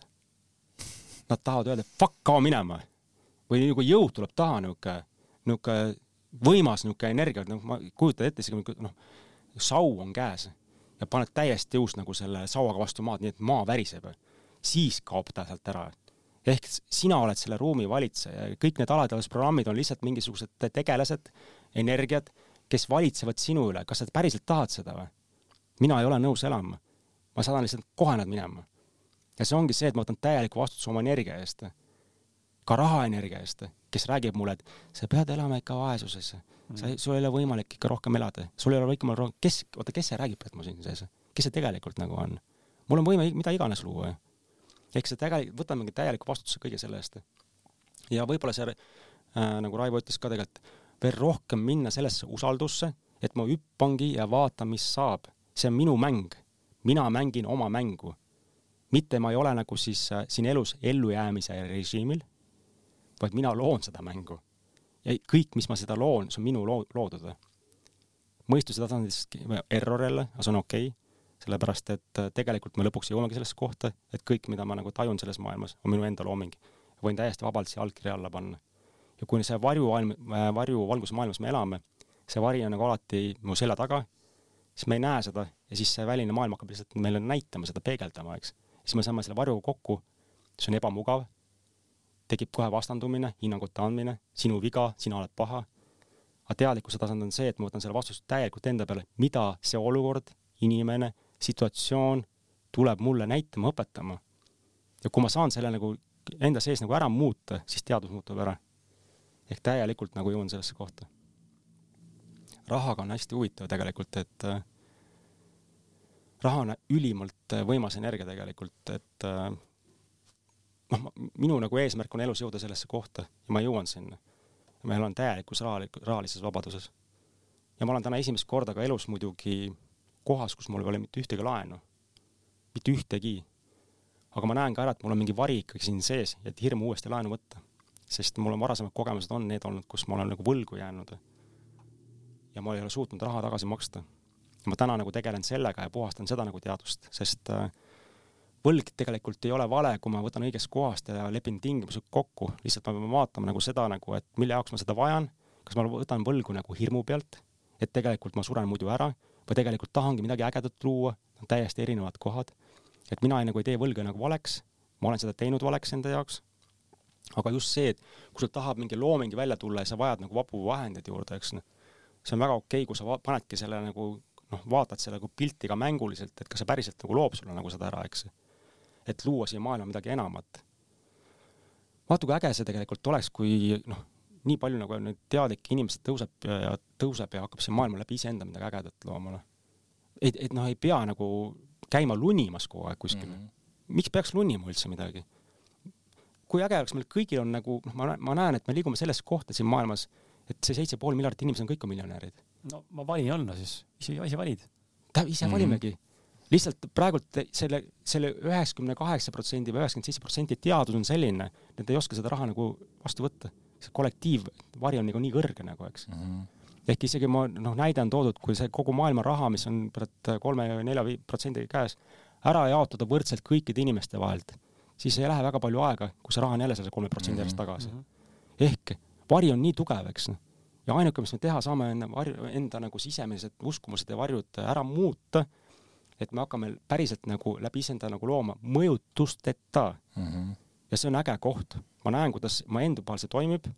see on natukene ebamugav minu jaoks olnud, aga see, kuhu ma nagu päriselt täna nagu olen jõudnud, ma näen hoopis teistmoodi asju. ja ma, minu nagu eesmärk oligi nagu siia podcast'i tulla ka seda avardama, et me ei pea elama selles puuduse teaduses. me ei pea virelema. Me võime täiega anda oma lastele üle nagu äh, kuningriigid, kus kõigil on hea elada. ja see on äge, ma arvan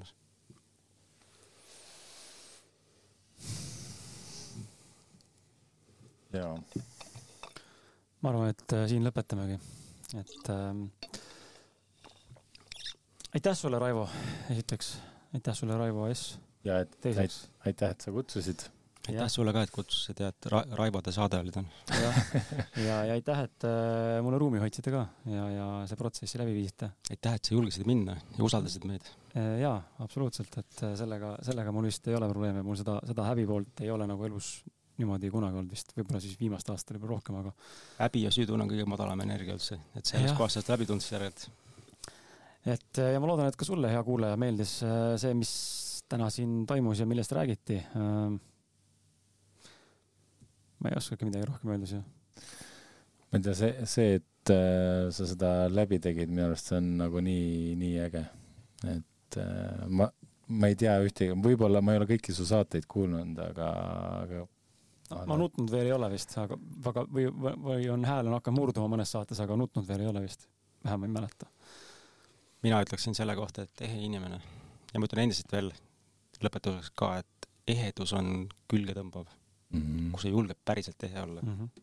Mm -hmm. see on juba neljandat korda täna tuleb kõne ehedus on ülimalt äh,, ausus, ehedus on see kood, kuhu me liigume. ja kui me valime elada kuskil maskide taga, kandes mingisuguseid rolle mm, -hmm. siis me tegelikult valetame iseendale. me elame iseendaga vales, me elame iseenda varjus ja vari domineerib. ja minu lõpetuse sõnand oleks võib-olla siis see, et et elu ongi muutus tegelikult. me oleme loonud illusiooni sellest, et äh, meil on ebamugav muutuda. aga ainuke asi, mis kunagi ei muutu, on see, et me elame pidevates muutustes ja ainuke stabiilsus on pidevad muutused ehk äh, kui tahad nagu mida eluga muutused tuua, siis on hea teha teistsuguseid valikuid. aitäh teile! aitäh sulle ja tšau-tšau, järgmise saateni! tšau!